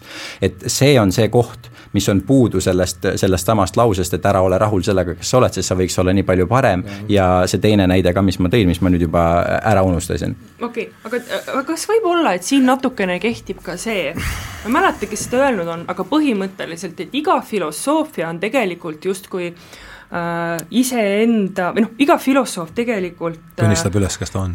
tunnistab üles, milline on, on tema temperament. jaa, see on väga hea ütlus, jaa. ja kui sina ütled, et nagu tasakaalupunkt on see, kus pole emotsioone või et see on see, mis on loomulik siis jumala eest, ma tahaks ka üks päev kas või niimoodi, ühe päeva niimoodi elada, et ma oleksin niisuguses tasakaalupunktis, minu jaoks lihtsalt ei ole niisugust, niisugust asja. no sellega see, et te olete erinevad temperamenditüübid, aga mingis kohas aga, ometi aga on Peterson ma ütlen ka, et puudut... minu jaoks ka mingil hetkel ei olnud seda, mina enamus oma elust elasin niimoodi, et ma ei teadnud, et niisugune punkt üldse olemas on. ma tõesti ei teadnud ja minu jaoks ka kogu elu oli selline, et on lihtsalt positiivsed emotsioonid ja negatiivsed emotsioonid ja kuidas ma pean oma elu sättima, et oleks rohkem positiivseid. Ja ise ka neid pikaajalisi samamoodi, aga see on nagu äh,, kuidas selle kohta on öelnud jällegi mingisugused äh, need äh, pühakud, vanad targad inimesed nagu väga hästi, et see äh,, see, et sa saad elus positiivseid emotsioone, see, et sa tunned seda, et sa liigud mingisuguse õige asja suunas, see hea tunne, mis sul sellest sisse tekib, see on põhimõtteliselt sama asi, nagu äh, sa näed fotot toidust versus see, et sa maitsed päris toitu okay.. mis on vahet sellel nagu mm -hmm. sisemisel aga, rahul äh, okay. versus sellel. aga mul on üks asi, mida, millest me ei saa üle tegelikult, on see, ja, ja me ei saaks võib-olla siin isegi istuda ja sellest rääkida, äh, kui ei oleks äh, põhimõtteliselt lääneliku kultuuri indiviidi kesksust, on ju, ja tema, see raamat siin on põhimõtteliselt lugu või seletuskiri või apoloogia sellest, kuidas see, mismoodi inimese aju on üles ehitatud, kuidas sellest on tema meelest siis üks kõige paremaid või võib-olla üldse kõige parem äh, elamisviis, äh, see ja arusaamiste süsteem see, et me austame indiviidi, mitte kollektiivi mm. -hmm. et indiviid on see, mis on lääneliku ühiskonna äh, kese või see, mis on mm -hmm. nagu mhm. selle kõige kõrgemal altaril, on ju. ja, ja noh, seda võib nimetada maskuliinseks või, või, või millekski selliseks, äh, lihtsalt jah, sellega ma olen nõus. noh, see on tema argument kindlasti iseasi, mis me tast, mis me no, sellest arvame. nojah, ja, ja, ja see teistsugune mõtlemine oleks ilmselt, äh, ma pakun lihtsalt siis järelikult kollektiivikesksem noh, aga inimesed ei ole mesilased, on ju. ja, ja noh, Hiinas tehakse midagi, on ju, aga kas me tahaksime seal elada või? no me võtame sealt jõudsalt praegu snitti, nii palju, kui mina aru saan niikuinii, aga ma, mul praegult isegi kommentaari ei ole, sellepärast et ma ütlen ka, et ilmselgelt Jordan Peterson sellest individuaalsusest väga palju räägib, kui, kui palju noh, ongi, et mingisuguse maani ma nõustun, aga siis sealt tuleb see protestantlik taluvuse piir ette, kust, kust mul on see, et mis hetkel ma enam, enam ei nõustu. aga tead, kuna see küsimus tegelikult ennem algas sul sellest, et mis me üldse temast nagu, mis meid, mis meid puudutas, ma korraks lihtsalt mainin ka ära, et minu jaoks, et kui keegi ei ole temaga kokku puutunud või ei ole veel teda tarbinud, mina ei soovitaks neid raamatuid lugeda, mitte et neil ja. midagi viga on, aga lihtsalt see, et kuna ta on ise väga hea oraator, väga hea Super kõneleja, et siis ma soovitan täpselt samamoodi nagu ka sina kuulata neid Youtube'i loenguid mm, -hmm. mis ta on tehtud, teinud isiksusest, mis ta tegi piiblist, on mingisugused asjad seal veel üleval, mis on lihtsalt fantastilised, need on, need on suurepärased, üldhariduslikult äh,, hingeliselt äh, nagu no, igas mõttes, praktilises mõttes lihtsalt metsikult, metsikult äh, abistavad, need nii hästi teinud, on nii kaasahaaravad, et sul võib kümneid ja kümneid tunde minna nagu mm -hmm. linnulennul. mina kunagi mõtlesin, et piibel on noh, okei okay,, et ta on tarkuse terasid täis, aga ikkagi nagu noh, rahvajutt, umbes mm, -hmm. umbes nagu meil on võib-olla see Kaval Ants ja Vanapagan on ju, et seal on ka mingi moraal sees, et see on lihtsalt nagu juudi äh, rahva mingi tarkuse lugude, aga tegelikult ei ole ainult see. et ta, ta ikkagi on mõnes mõttes mingite asjade kvintessents. ja, ja see, mismoodi tema need nagu lahti seletab, on selles mõttes minu silmi väga palju avanud, kuigi minust ei ole ikka veel kristlast saanud, et nagu aga, aga võib-olla ma olen nagu astunud ühe sammu sinnapoole lähemale mm. -hmm. jah, see, kuidas äh, see žanr, mida ta ise nimetas thinking on the feet, see on erakordselt sümpaatne ja seal ta on tõesti äh, seal ta on tõesti väga hea, see on mingis mõttes on see stand-up ju, eks ole. jah, see on nagu pikk, ja see on, ta on ikkagi, ta on ikkagi flow's sellel hetkel, kui ta seda teeb, et sa ja. näed, et need on asjad, mida ta on iseenda sees kümneid aastaid seedinud ja sellel Just. hetkel, kui ta räägib, ta ise ka avastab samal ajal. ja see on kõige nii-öelda kaasahaaravam kõnelemise viis üldse ja seda ongi, seda on imeline vaadata, imeline kuulda, et raamatut kindlasti väga hästi korralikult kirjutatud, aga lihtsalt nad ei anna kuidagi ligilähedastki tunnet sellele, mis on see, kui sa ikkagi kuulad seda, kuidas ta ise neid asju räägib. ma olen ühe korra käinud ka reaalselt tema sellel loengul, see oli kaks tuhat kaheksateist novembris Helsingis ja ma mäletan seda, et kui ta tuli lavale, ma olin korraks täitsa ehmusin ära, et issand, ta tundus nii palju vanem, kui ma nagu videotest nagu olin näinud, kuidagi kõndis natuke kangelt ja ta oli nagu kõhnemaks jäänud ja nii edasi. aga kui ta oli vist, ma ei tea, kümme minutit äkki seal kõndinud ja rääkinud, ta hakkas nagu palju teistmoodi ennast liigutama, hüppeid tegi ja niimoodi miimika nagu läks käima ja kuidagi hoopis teistsugune inimene tuli sealt järsku välja, et ta nagu kuidagi sulas üles ja ja tõesti noh, selles mõttes väga äge oli. ja siin on ka hea koht öelda seda, et ta nüüd ju juunikuus tuleb Eestisse, et neid äh, pileteid kõik just tahavad veel Saku Suurhalli osta, siis minul ei ole on, veel ära ütle kellelegi. Neid on, äh, neid on võimalik, võimalik soetada. ja mina käisin teda isegi kolm korda kuulamas ele, elavast peast omal ajal, ta oli mulle ikka jah, päris, äh,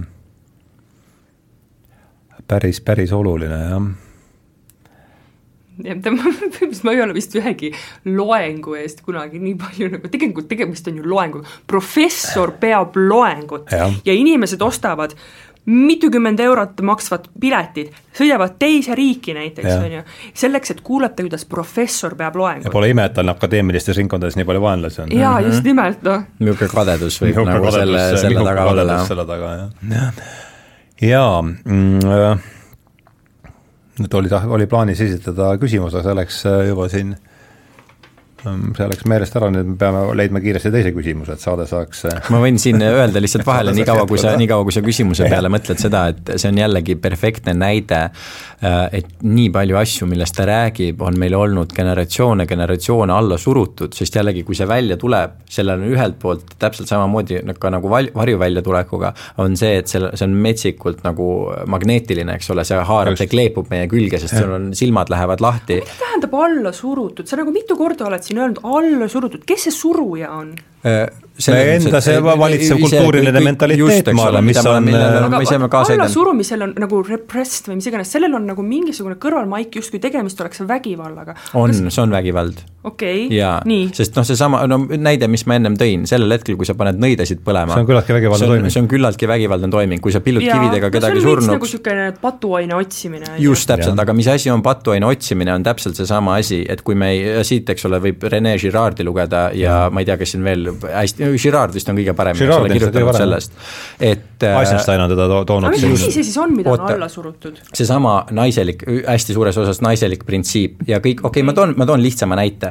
Äh, siis, kui jällegi, kas paned nõia põlema või pillud kividega kedagi surnuks näiteks selle eest, et keegi on kedagi petnud, keegi on, ma ei tea, posinud, võlunud, midagi sellist teinud, siis see, mis meie psüühikas samal ajal toimub või ei ole oma uuringus järgi, järginud äh, seda, mida teaduslik ja, protseduur nii palju, kui mina sellest aru saan, siis see, mida meie teeme, on see, et me näeme kelleski teises midagi, mida me ei suuda aktsepteerida.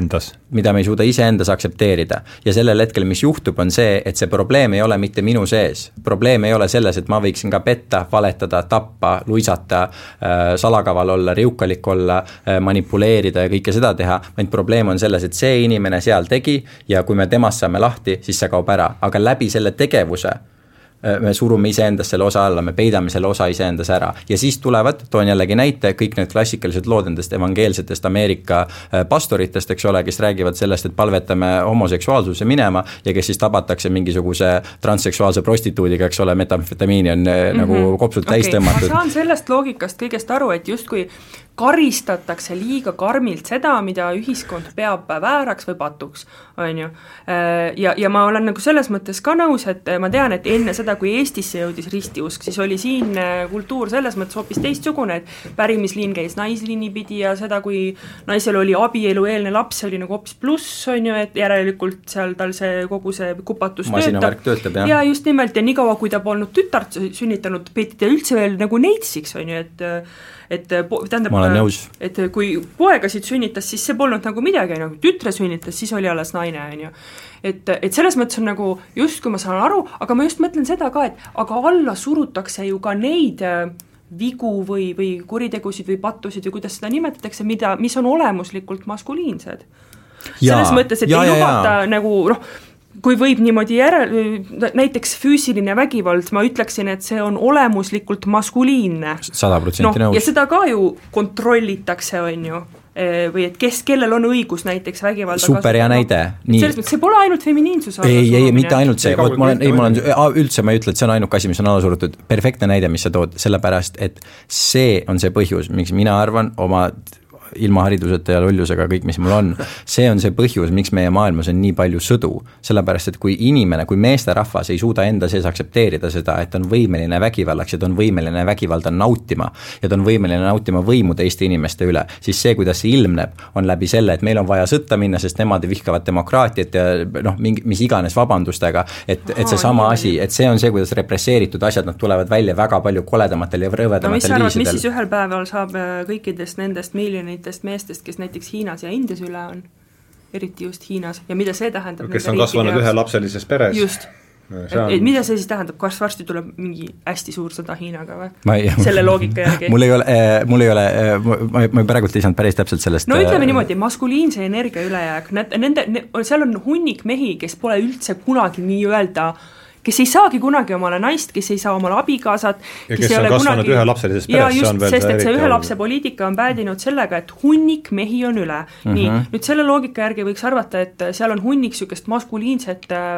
alla surutud energiat, energiat jaa. no perfektne näide, vaatame, mis, mis oli kaks tuhat üksteist, kaksteist, mis Süürias hakkas toimuma.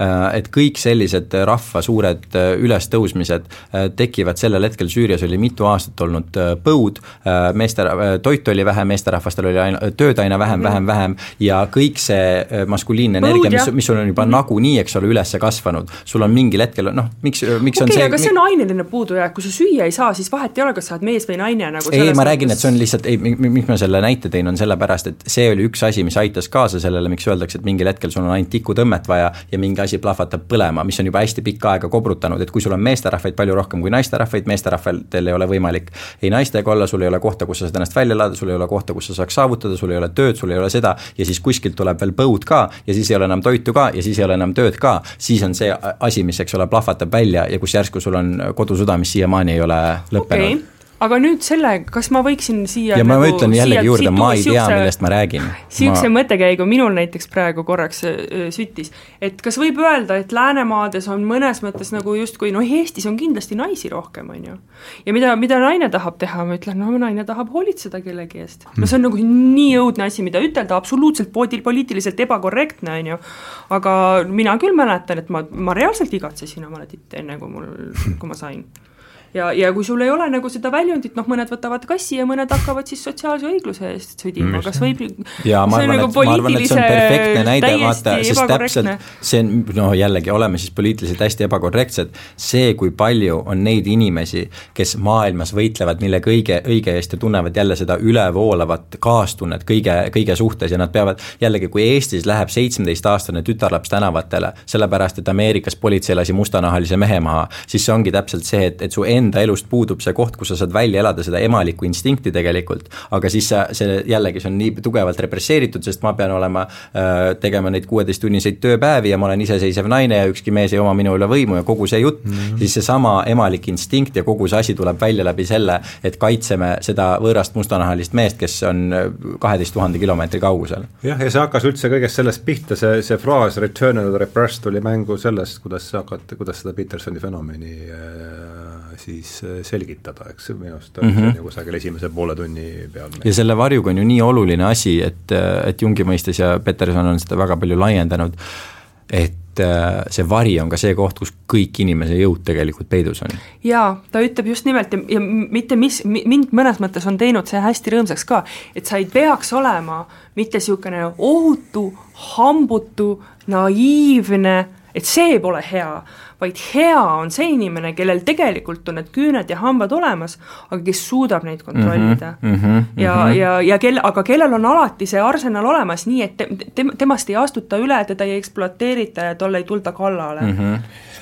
aga hästi, meil on siin nelikümmend viis minutit vast veel jäänud, et hakkame mõtlema, kuidas see et ühel hetkel saab jutamine läbi, mis mind huvitaks, on see, et kui palju te olete nüüd Petersoni karjääris, nii palju, kui me teda siin teame, meie kõigi jaoks hakkas ta siin kaks tuhat kuusteist pihta, et ta on selge niisugune murrangu koht olnud, ta oli vahepeal kadunud ja, ja, ja, ja ja kehvas seisus. Ja meil on nüüd üks seal Rebel Wisdomi playlistis Youtube'i kanalil on üks David Fuller küsib, et et kui palju, no ma ei tea, kas me räägime sellest, räägite teie sellest, mis, mis temaga siin vahepeal juhtus, kuidas ta sattus nende no kui me, kui me arvame, et see on huvitav, ma võin väikse ülevaate teha. tee, tee jah, et see, minu meelest on see olu, et ma, kuhu ma tahan jõuda, Peterson enne seda murrangut ja pärast seda murrangut, et okay. et see on see, kuhu ma tahaks selle põhimõtteliselt temal, temal peres on palju füüsilisi probleeme olnud. Ja olles tervisega, tervisega, äh, tervisega probleeme.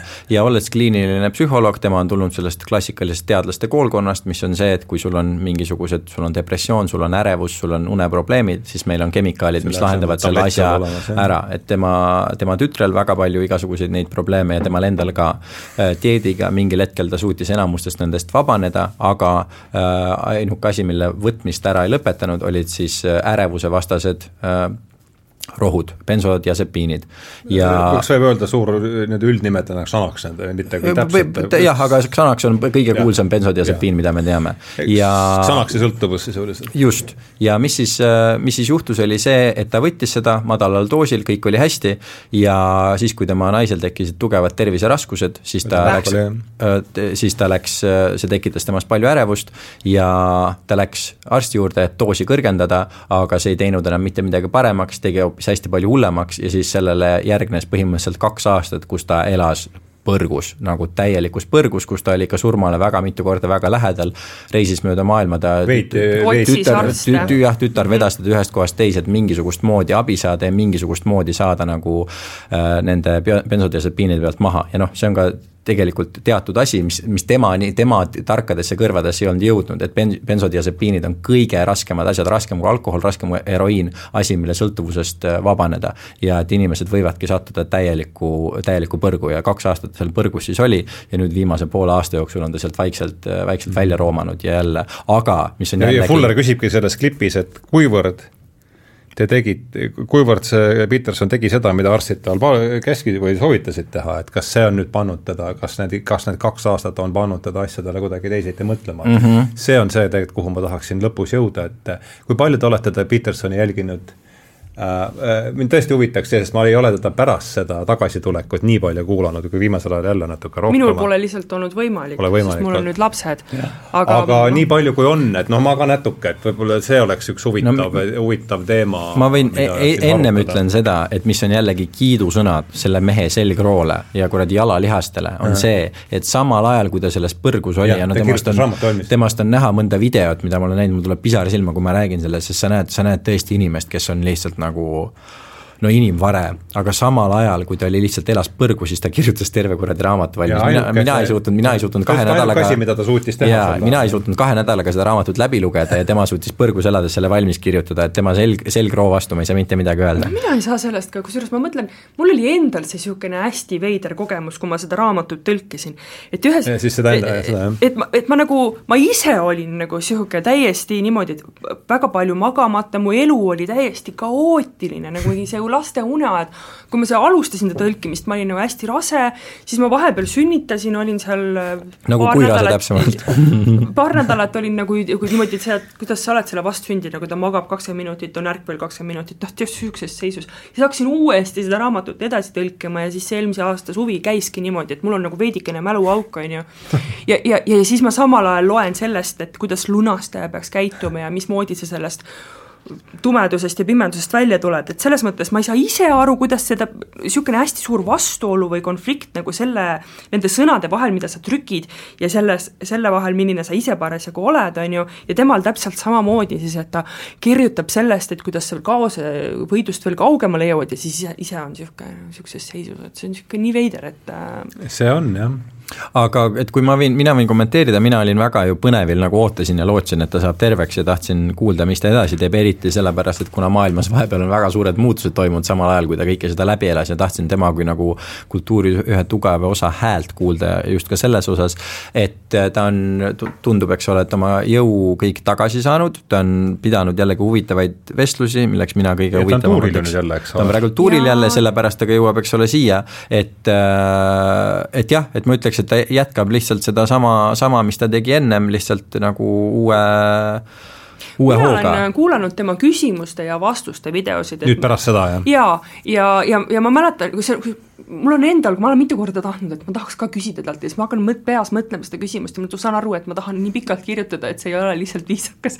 ma ei ole kunagi suutnud välja mõelda, mis see küsimus oleks. aga minu meelest seal nagu nii suurt märkimisväärset äh, vahet ei ole, ta ju rääkis varem ka juba, et tema per-, tal on perekondlikult äh, kalduvus depressioonile, ta on ka küllalt kõrge neurootilisusega, tema tütar täpselt sama asi, on ju, et et kõrge neurootilisuse tase tegelikult ongi see, et hästi vastuvõtlik negatiivsetele emotsioonidele, mhm. on ju, vastuvõtlik vastuvõtlik depressioonile ja, ja ega ta ei ole selles mõttes ainult sellise mõtlemisviisiga, nagu sa enne ütlesid, et kui midagi, midagi on viga, et siis kemikaalid peale, et ta on ise ka ju kliinilise psühholoogina öelnud seda, et et võib-olla sul pole antidepressante vaja, võib-olla on sinu enesetunne täiesti adekvaatne reaktsioon sellele, et su elu on SITT ja no. see on väga, ma olen sada protsenti nõus, et see on üks väga tarkadest asjadest, mis ta ütleb, noh, selle nimi on, eks ole, inglise keeles on shit life syndrome, et ja. nagu kui sul ei ole pere, kui sul ei ole tuttavaid sõpru, sul ei ole eesmärki elus, siis sul peakski depressioon olema, see on ter-, sinu, see näitab seda, et su keha on terve, sellepärast et su keha annab sulle signaali, uhuu, asjad on perses,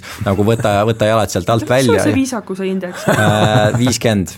mul oli üheksa ja mina äh, ei ole ropanud. see, ma vabandan, ma olen äh, kombetu lihtsalt, see on see on harimatus, see, seda ma ei saa süüdistada oma selle kaela, see on lihtsalt harimatus. aga äh, et, et ma olen sellega, sellega nõus, aga lihtsalt tihtipeale tema ongi, et kui ma ka alguses kuulasin, et ta nii tihti lihtsalt ütles seda, et kui on päriselt, eks ole, raske ja kui keegi vastust ei tea, et siis antidepressandid to toimivad väga hästi ja antipsühhootikumid toimivad väga hästi. minul kahjuks on olnud liiga, liiga mitu sõpra, kes on nende asjade otsas olnud, et ma ei ole kunagi saanud sellele nagu väga kaasa kiita, kuigi ma saan aru, et paljusid inimesi paljudel hetkedel need võivad aidata. aga nagu ka, eks ole, juhtus temaga ja nagu juhtus tema tema tütrega, nagu juhtus tema naisega vist päris mitte niimoodi, aga see, et ka nemad said, said aru sellest, et nagu nende enamused probleemid peitusid lihtsalt selles, et nad sõid asju, mis neid väga-väga tugevalt, tugevalt häirisid. kusjuures jaa, see on veider, sellest, ma ei tea, kas me peaksime siin sellest rääkima, aga kui me Jordan Petersonist räägime, siis võib-olla natukene mainiks seda, mida ta sööb, ainult liha mm. -hmm, viimased juba üle kolme aasta kindlasti. ja, ja, ja siis on see vaheldust annab, et kas mulliga vesi või mullita vesi mm. -hmm. Mm -hmm. ja, ja kas ta ja paneb nüüd... liha peale soola ka või? liha peale sool jaa, ja tema, tema naine, tema tütar, see on kõik, mida nemad, jaa, naine võtta, sest, sest naine, naine ka tänu sellele, ma kuulasin tütre ühte TED-il pidas või ei, lihasööjate konverentsil pidas, pidas seda, näitas, näitas pilte, et see aitas, aitas naisel ka igasugustest erroritest üle saada. aga Jordan Peterson jälle, olles selle täiesti klassikalise teadusliku haridusega, siis ta on ka mitu korda tunnistanud seda, et kui tema tütar alguses tuli tema juurde ütlema, et kuule, et võib-olla see, et sa nagu päev läbi saia ja Coca-Cola Lighti jood, eks ole, et see on kuidagi seotud sellega, kuidas sa ennast kogu aeg tunned ja sellega, et sul mm -hmm. igemed kogu aeg veritsevad, siis tal oli see, et see on loll jutt, kõik teavad seda, et toitumine ei ole su tervisega seotud. kusjuures, kui sa vaatad tema vanu videosid, siis sa näed, kuidas seal loengut, ta ei olnud kunagi paks, aga kuidagi ta näost ja. on nagu rohkem nagu paistes. paistes jah, ja, ja, ja. ongi, et sul on kogu aeg, sa oled kogu aeg põletiku, see on nagu kehas nagu pidev põletiku tasand. igalt poolt niimoodi, aga, aga, aga ma ei saa siiamaani aru, kuidas see võimalik on. nagu võib-olla ma olen ka niisuguse ajupesu lihtsalt läbinud, kust ta saab nagu metüülfolaati näiteks, mida saab ainult taimedest, kust ta saab seda? Äh, kust no, ta saab, kust ta saab mingeid vitamiine, mida saab ainult taimedest? Äh, see, aga selliseid vitamiine nii palju, kuna mina olen ka oma elus pikkasid perioode ainult liha tarbinud, siis äh, nii palju, kui mina mina mõistan, siis väga-väga-väga vähe, vähe on asju, mida Nagu, mida me lihast, mida me lihast niimoodi, ei, ei saaks. et umbes, et see, et see loom, kelle liha sa sõid, et kuna tema sõi taimi, et siis tema lihastes ja lihas ja, no, on näiteks noh, vaata C-vitamiin on üks niisugustest paljudest asjadest, kui sa sööd natukene maksa, maksas on juba, juba piisav kogus C-vitamiini ja, ja, ja kõik asjad. aga lihtsalt ma mõtlen, kuidas see võimalik on ja kas inimesed tõesti ongi siis loodud hoopis ainult karnivoorideks ja siis on terve hunnik inimesi, kes ei söö üldse liha Mm -hmm. kuidas see siis võimalik on? eks see, see on vist no, natuke teise saate, teise saate teema, et see on, et see on, ei, see on väga huvitav loomulikult. ta on teadlane, on ju, point on selles, ta on teadlane ja ta ütleb, et ta ei oska seda ise ka seletada, kuidas see töötab, aga see töötab. ja ta teeb niisugust asja, mis absoluutselt ei ole teo-, teadusliku meetodiga mitte mingit pidi tõestatud iseenda peal, noh, ja ta, ja samas no, aga see, kas siin ei olegi põhiteema selles, et ta rõhub isiklikule kogemusele, see, mida ta mm -hmm. teeb, on teda mm -hmm. aidanud mm -hmm. ja kui see ei lähe nüüd kokku sellega, mis siin siis äh, teaduse et, et ma arvan, et paljuski need konfliktid ja, ja kokkupõrked, mis siin on, ongi selles, et mis, milline staatus on isiklikul, isiklikul kogemusel mm -hmm. üldse ja kuivõrd seda, kuivõrd mm -hmm. see kroonu, kuivõrd kroonu, kui palju kroonu meie isiklikku kogemust äh, aktsepteerib, ma arvan, et see, kas see mitte see ei ole üks jaa, jaa, see, see käib hästi mitmest kohast ju läbi. see käib, on ju, mulle tundub, et see on üks, äh, üks, et, üks põhiteemasid. kas ja kas me tohime, kas sa saad usaldada teise inimese isikliku kogemuse pinnalt tehtud üldistusi ja kas need käivad sinu kohta? ja, ja kas see ja ja kas me üldse tohime teha selliseid üldist-, üldistusi mm, -hmm. see, et see mind on aidanud, ei tähenda see, et mm -hmm. see aitab sind või sind, eks mm. -hmm. kui Jung oma unenägudest kirjutas ja millest siis nagu Peterson on hästi palju tõukunud, et mida me siis nagu sellest peame järeldama, kas see üldse käib meie kohta või mitte et ähm, siin on ka mitu, mitu unenägu, mida ta, üks on hästi veider, oli see, et kuidas ta nägi unes, et et tema enda vanaema tuli ja umbes tal oli mingi pintsel käes ja see pintsel oli tehtud oli tehtud tema vanaema kubemekarvadest ja siis ta vanaema tuli ja kõditas teda näo pealt selle pintsliga ja see kõik tähendas midagi, ühesõnaga kas see oli Jungi või Petersoni unenägu? see oli Petersoni enda unenägu ja see ongi nagu see, et ta toob nagu vahele sihukseid näiteid, on ju, omaenda unenägudest või mingi tema abikaasa unenägu või mingisugused laused, mida ta enda tütar on öelnud mingi väikse lapsena, sest kui ta seda raamatut kirjutas, siis ta lapsed olid niisugused paariaastased. et, et need, see on see näitlikustav materjal, mis on siis noh, segamini paremini seal näiteks Nietzsche ja Tolstoiga ja, ja alguses hoopis on hästi palju nagu niisugust päris, päris karmi reaalteadust, äh, neuropsühholoogiat, neuro, ajuteadus, mis iganes see on, on ju. kognitiivneuroloogia. no üldse, lihtsalt, et kuidas aju üles ehitada. ja üks asi, mis ma tema juures ka kindlasti, mis on kindlasti väga, eriti selle raamatu juures, see tema, ta on ju uurinud totalitaristlikke kalduvussi mm -hmm. ja kui inimene on viisteist, kui kõrge neurootilisusega inimene uurib viisteist aastat seda, kõike seda, mida on inimesed üksteisele teinud mm. -hmm. siis tal hakkasid tulema sellest unenäod. siis äh, selgelt ei ja. saa jätta kuidagi mõju jaa, väga loogiline. ja Jung on ju ka, tema, tema on äh, tsiteerinud ja et, et Jung ütles seda, et unenäod on tõde see, kuidas mm -hmm. meie neid tõlgendame, on täiesti teine asi, aga see, et sina muutud teadvusetuks ja et sinu alateadvus lihtsalt ütleb sulle midagi, see on reaalsus selles mm -hmm. mõttes, mida see täpselt tähendab, me ju kunagi ei saa teada ja asju saab nii valesti mm -hmm. tõlgendada, et sellest saabki mingisuguse okay, kapsasalati kokku keeta. olemas, kui sa ei tea, kuidas seda tõlgendada mis see tõde mina, siis mina tõlge-, tead, tead, mis ma ütleksin selle kohta või see on minu see nagu niisugune üldine viis, kuidas ma kogu aeg vaatan seda, miks mulle tundub nii naiivne, kuidas see klassikaline äh, teaduse usk mingeid asju ja seda objektiivsust ja subjektiivsust kirjeldab. on see, et äh, kui sina ütled mulle, et sa armastad oma ema siis ma saan öelda, et objektiivselt me ei saa sellist asja tõestada. me võime jälle näidata, et kui sa mõtled oma ema peale, siis oksüdotsiin tõuseb ja serotoniin tõuseb, aga see, aga see, et see tähendab armastust ja see, kui mina ütlen armastus ja sina ütled armastus, et need tähendavad erinevaid asju, on täpselt samamoodi nagu unenäkkudega, meil on lihtsalt mingisugune kogemus, mida see meie jaoks tähendab, on ainult asi, mida meie nagu tundeliselt saame, saame teada ja kogeda ja see ei olegi asi täpselt samamoodi nagu Jungi need kõik unenäod ja, ja reisimised ei ole asi, mida me saame panna kuskile nagu arvutuslauale ja näidata, et näed okay., siin on neli ja siin on kolm ja siin on üks. siis me jõuame jälle ikkagi sinna punkti, kus igaüks on oma niisuguses solipsistlikus tõemullis ke,, keegi ei saa nagu kellegagi tegelikult midagi nagu kokku leppida või vaielda, sest et igaühel on oma tõde aga ei aga, ole sellepärast, et ei ole nii, ei olegi, ei, aga ei olegi ainult niimoodi ju, sellepärast et seal on kuskil ikkagi mingisugune, mingisugune resonants, resona-, oh jällegi, tuleme Petersoni juurde tagasi, üks asi, mida ta on nii geniaalselt öelnud, on see, et olenemata sellest, kui erinevad omavahel on mehed ja naised, siis me oleme hästi palju rohkem sarnased, kui no, me oleme erinevad. ja, ja olenemata sellest, kui erinevad on, ma ei tea, inimene ja kärbi, kärbes, me oleme ikkagi palju rohkem DNA poolest näiteks sarnased, kui me oleme erinevad. aga et isegi, aga et isegi vaata sellistes asjades, et kus me leiame selle koha, et on mingid asjad, mille üle me isegi justkui ei pea vaidlema, sest ka see, et meie saame siin kaks tundi järjest vestlust pidada, meil võivad olla ülipeenikesed nüansid, millega me ei nõustu, isegi me võime tuliselt vaidlema minna, aga selle kõige all on see baas, et me nii palju mõistame üksteist, et me suudame mingisuguse peenmotoorika üle hakata vaidlema, et kas see nüüd on niimoodi või kas ei ole nüüd niimoodi. ja teine asi, mis oli Petersonist ja minu jaoks otseselt oli seesama, et vestle-, seesama, mis on selles Olipsi-, jah, tõepoolest, meil on kõigil üks äh, ainu-, vahetu kokku, vahetu kontakt on meil ainult oma eneseteadvusega, sellest me ei pääse üle, üle ega ümber, aga sellesama vestluse käigus noh, tekib midagi, mis dialoogos, eks ole, toimub loogo, just nimelt see loogo, see, see loogo jah, just öelda, et see võib-olla see tekib, aga võib-olla teie saate teistmoodi aru. aga vaata, aga mis praegult on just, aga sina ütled seda ja meie mõistame seda ja meie vahel on mingit sorti ja. harmoonia. ega me põhiprobleem teistmoodi aru kui see no aga aga, aga siis, aga siis ongi, vot, aga ja sealt tuleb usu küsimus, seal tuleb see, et kas, kas sa usaldad seda, et kui ma midagi ütlen, ütlen, ole ma, loomu poolest väga usaldav inimene. kui ma räägin, kui ma räägin äh, kas, kas armastusest, usust, mis iganes muust kontseptsioonist, kui me nendest asjadest, äh, asjadest vestleme ja teie kasutate mingeid sõnu, kas ma lähen siis kaasa sellega, et ma usaldan seda, et ma mõistan seda niimoodi ja kui, kui ei ole, siis ma küsin lisavaid küsimusi, aga üldiselt ikkagi meil on ju jällegi, mis tunne meil sees on, harmoonia on, on, on tunnetus, mida me tunneme. kas sina tunned harmooniat praegu või?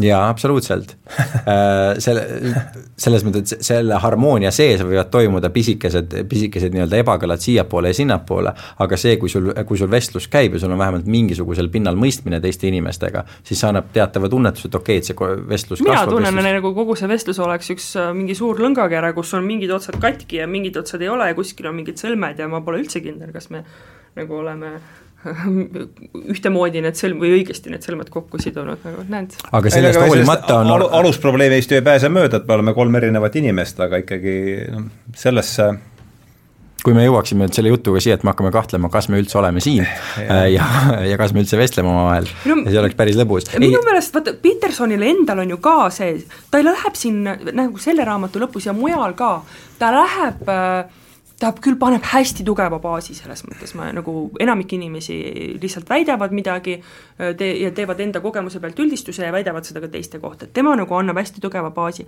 aga ikkagi, kui ta hakkab rääkima alkeemiast ja Jungist ja, ja ütleb mingeid asju nagu niisuguse hästi, oma videotes ka niimoodi hästi emotsionaalselt, et ta ei ropenda küll, aga noh, kui ta, ta ütleb nagu hästi elegantselt mingeid asju, on ju, millest ta on emotsionaalselt niivõrd veendunud, siis nagu alati noh, ikka tekib see küsimus, et aga, aga kuidas sa, kuidas me saame seda nagu tõestada, me teame kõik, et see on nii, me kõik oleme nõus, kes teda kuulavad, kes on kaasa mõelnud, aga me ei saa ikka kuidagi tõestada. sa tahad ikka Statistikaameti tõendit? mitte Statistikaameti tõendit, aga, aga, aga mida sa tõestamisel sa küsimus on, kas see ongi lepitamatu äh, erinevus äh, selle mõtlemislaadiga, mis praegu nii-öelda läänelikus ühiskonnas prevaleerib, et kas seda silda ei olegi või? aga kui sul on vaja tõestust, siis, siis sa ei saagi leppida, sest leppimine tuleb siis, kui sul ei ole tõestust, see on leppimine no eks jah, ole, mida see, mida sina mida Kierkegaard nimetab usu, usuhüppeks. just, just, aga eks ole, aga leppimine ongi ju täpselt see, see täpselt sama usuhüpe, mis sa teed siis, et sa ei saa mulle lõplikku tõestust, sa ei saa tõestada, aga samamoodi, kui keegi ütleb sulle, et ta armastab sind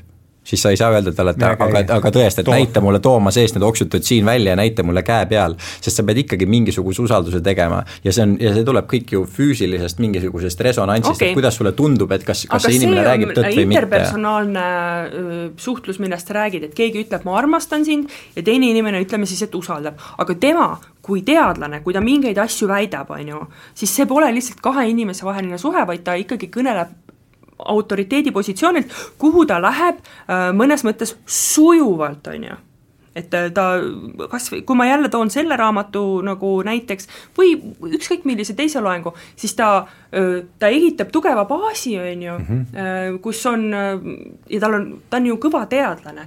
ja siis ta hakkab rääkima mingeid asju, kui mm, -hmm. millel ei ole justkui teaduslikku baasi, kuigi ta enamasti minu meelest nagu või siis peaaegu ta alati mainib ka, et noh, et seda, et see ei ole nagu teaduslikult tõestatud, aga talle tundub, et midagi niisugust võiks olla. tead, ma saan jumala aru, see on ka kriitika, mida on toodud tema pihta, mis on selles mõttes väga õigustatud, et ta justkui mingil hetkel liigub sellest arutamisest selle ähm, autoriteedi kohta, kus ta nüüd ütleb, et niimoodi on.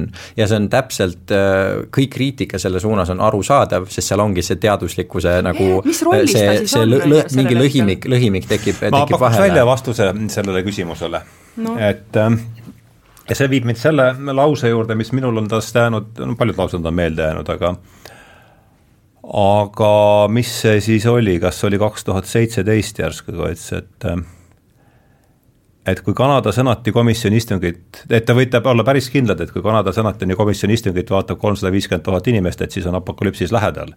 siis ta tuuseldab siin äh, ringi lennukitega ümber maailma, nagu Paulus seal omal ajal Vahemere ümbruses. ah, et ta on nagu prohvet. ja, ja, ja siis äh, nelja aasta pärast ongi meil apokalüpsis vist jah, nelja aasta pärast. ta on maailma lõpu kuulutaja prohvet. Äh, nelja, ja apokalüpsis selles tähenduses, et äh, mitte, et maailm on lõppenud, vaid apokalüpsis tähendab, eks kat, uuesti sündi kat,. katte eemaldumist, et, äh, et selgelt on ta minu, et noh, ma arvan, et ta on üks nendest paljudest prohvetitest, kes siin praegu seda uut et, et lühike vastus oleks jah, et ma pakuks, et see on mm, -hmm. et see on prohveti, see on prohveti äh, siis äh, tal on hästi palju prohveti tunnuseid, kui tema enda viisteist aastat tagasi kirjutatud raamatu põhjal, kus ta ise kirjeldab ükskõik, mida me selle sõna all mõistame, see prohvet, just nimelt, kus ta kirjeldab lunastajaid ja prohveteid ja annab nende kohta mingisugused äh, tunnused, siis ta tegelikult nüüd ise vastab nendele ja. tunnustele,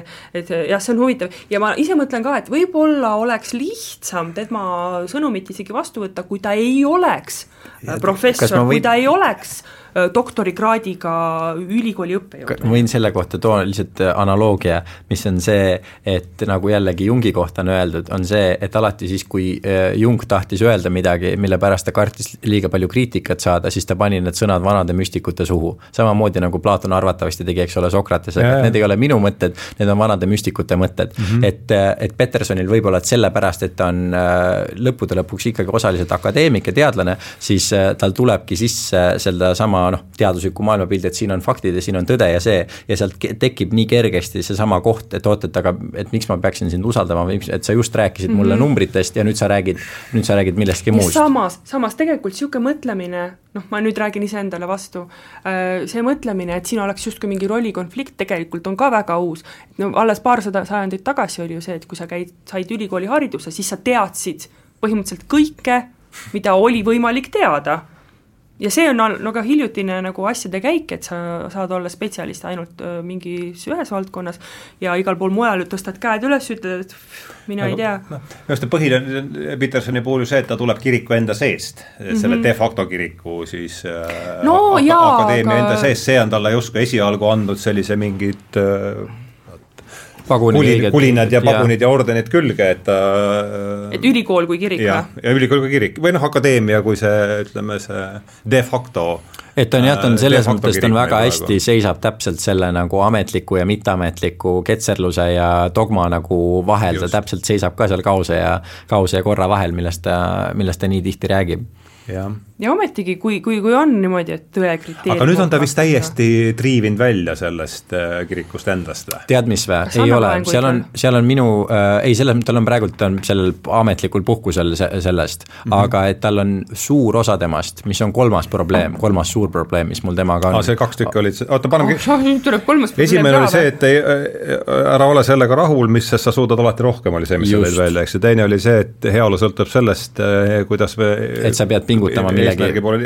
Mis on põhimõtteliselt veits sama. ja jah ja,, et see on jah, põhimõtteliselt see läheb sama asja alla aga kolmas asi on täiesti teine asi, mis on see, et see tegelikult ei ole minu probleem temaga, vaid see probleem on selles, et kuna tema on ikkagi, äh, peab ennast ka teadlaseks ja teadusliku selle maailmavaate propageerija, siis ta edastab äh, väga paljusid selle teadusliku maailmavaate äh, dogmasid mm, -hmm. mille kohta tal endal ei ole õrna aimugi ja seal on see kõige suurem mm -hmm. probleem, on selle Steven Pinkeri maailmapildi edasikandmine, mis siis räägib sellest, et maailm ikkagi kogu aeg läheb paremaks, inimestel on aina parem olla ja kannatust on aina vähem. Need on kaks eri asja. ei, nagu okei okay,, selles mõttes, et Need on lihtsalt, mis ma ütlen, on, et need on Steven Pinkeri teesid, mida ta on viimased viisteist aastat hästi tugevalt välja töötanud ja mida Jordan Peterson kannab edasi, kuna Steven Pinker on väga äh, austatud teadlane, aga Peterson ise, olles faktidega ilmselgelt mitte tut-, tutvunud, võttes lihtsalt jällegi autoriteedi sõna selle kohta, ta kannab neid asju edasi, aga seal on lihtsalt noh, nii palju niisugust odavat solki, et see on okay, ma, ma vaatan, kas ma sain õigesti aru,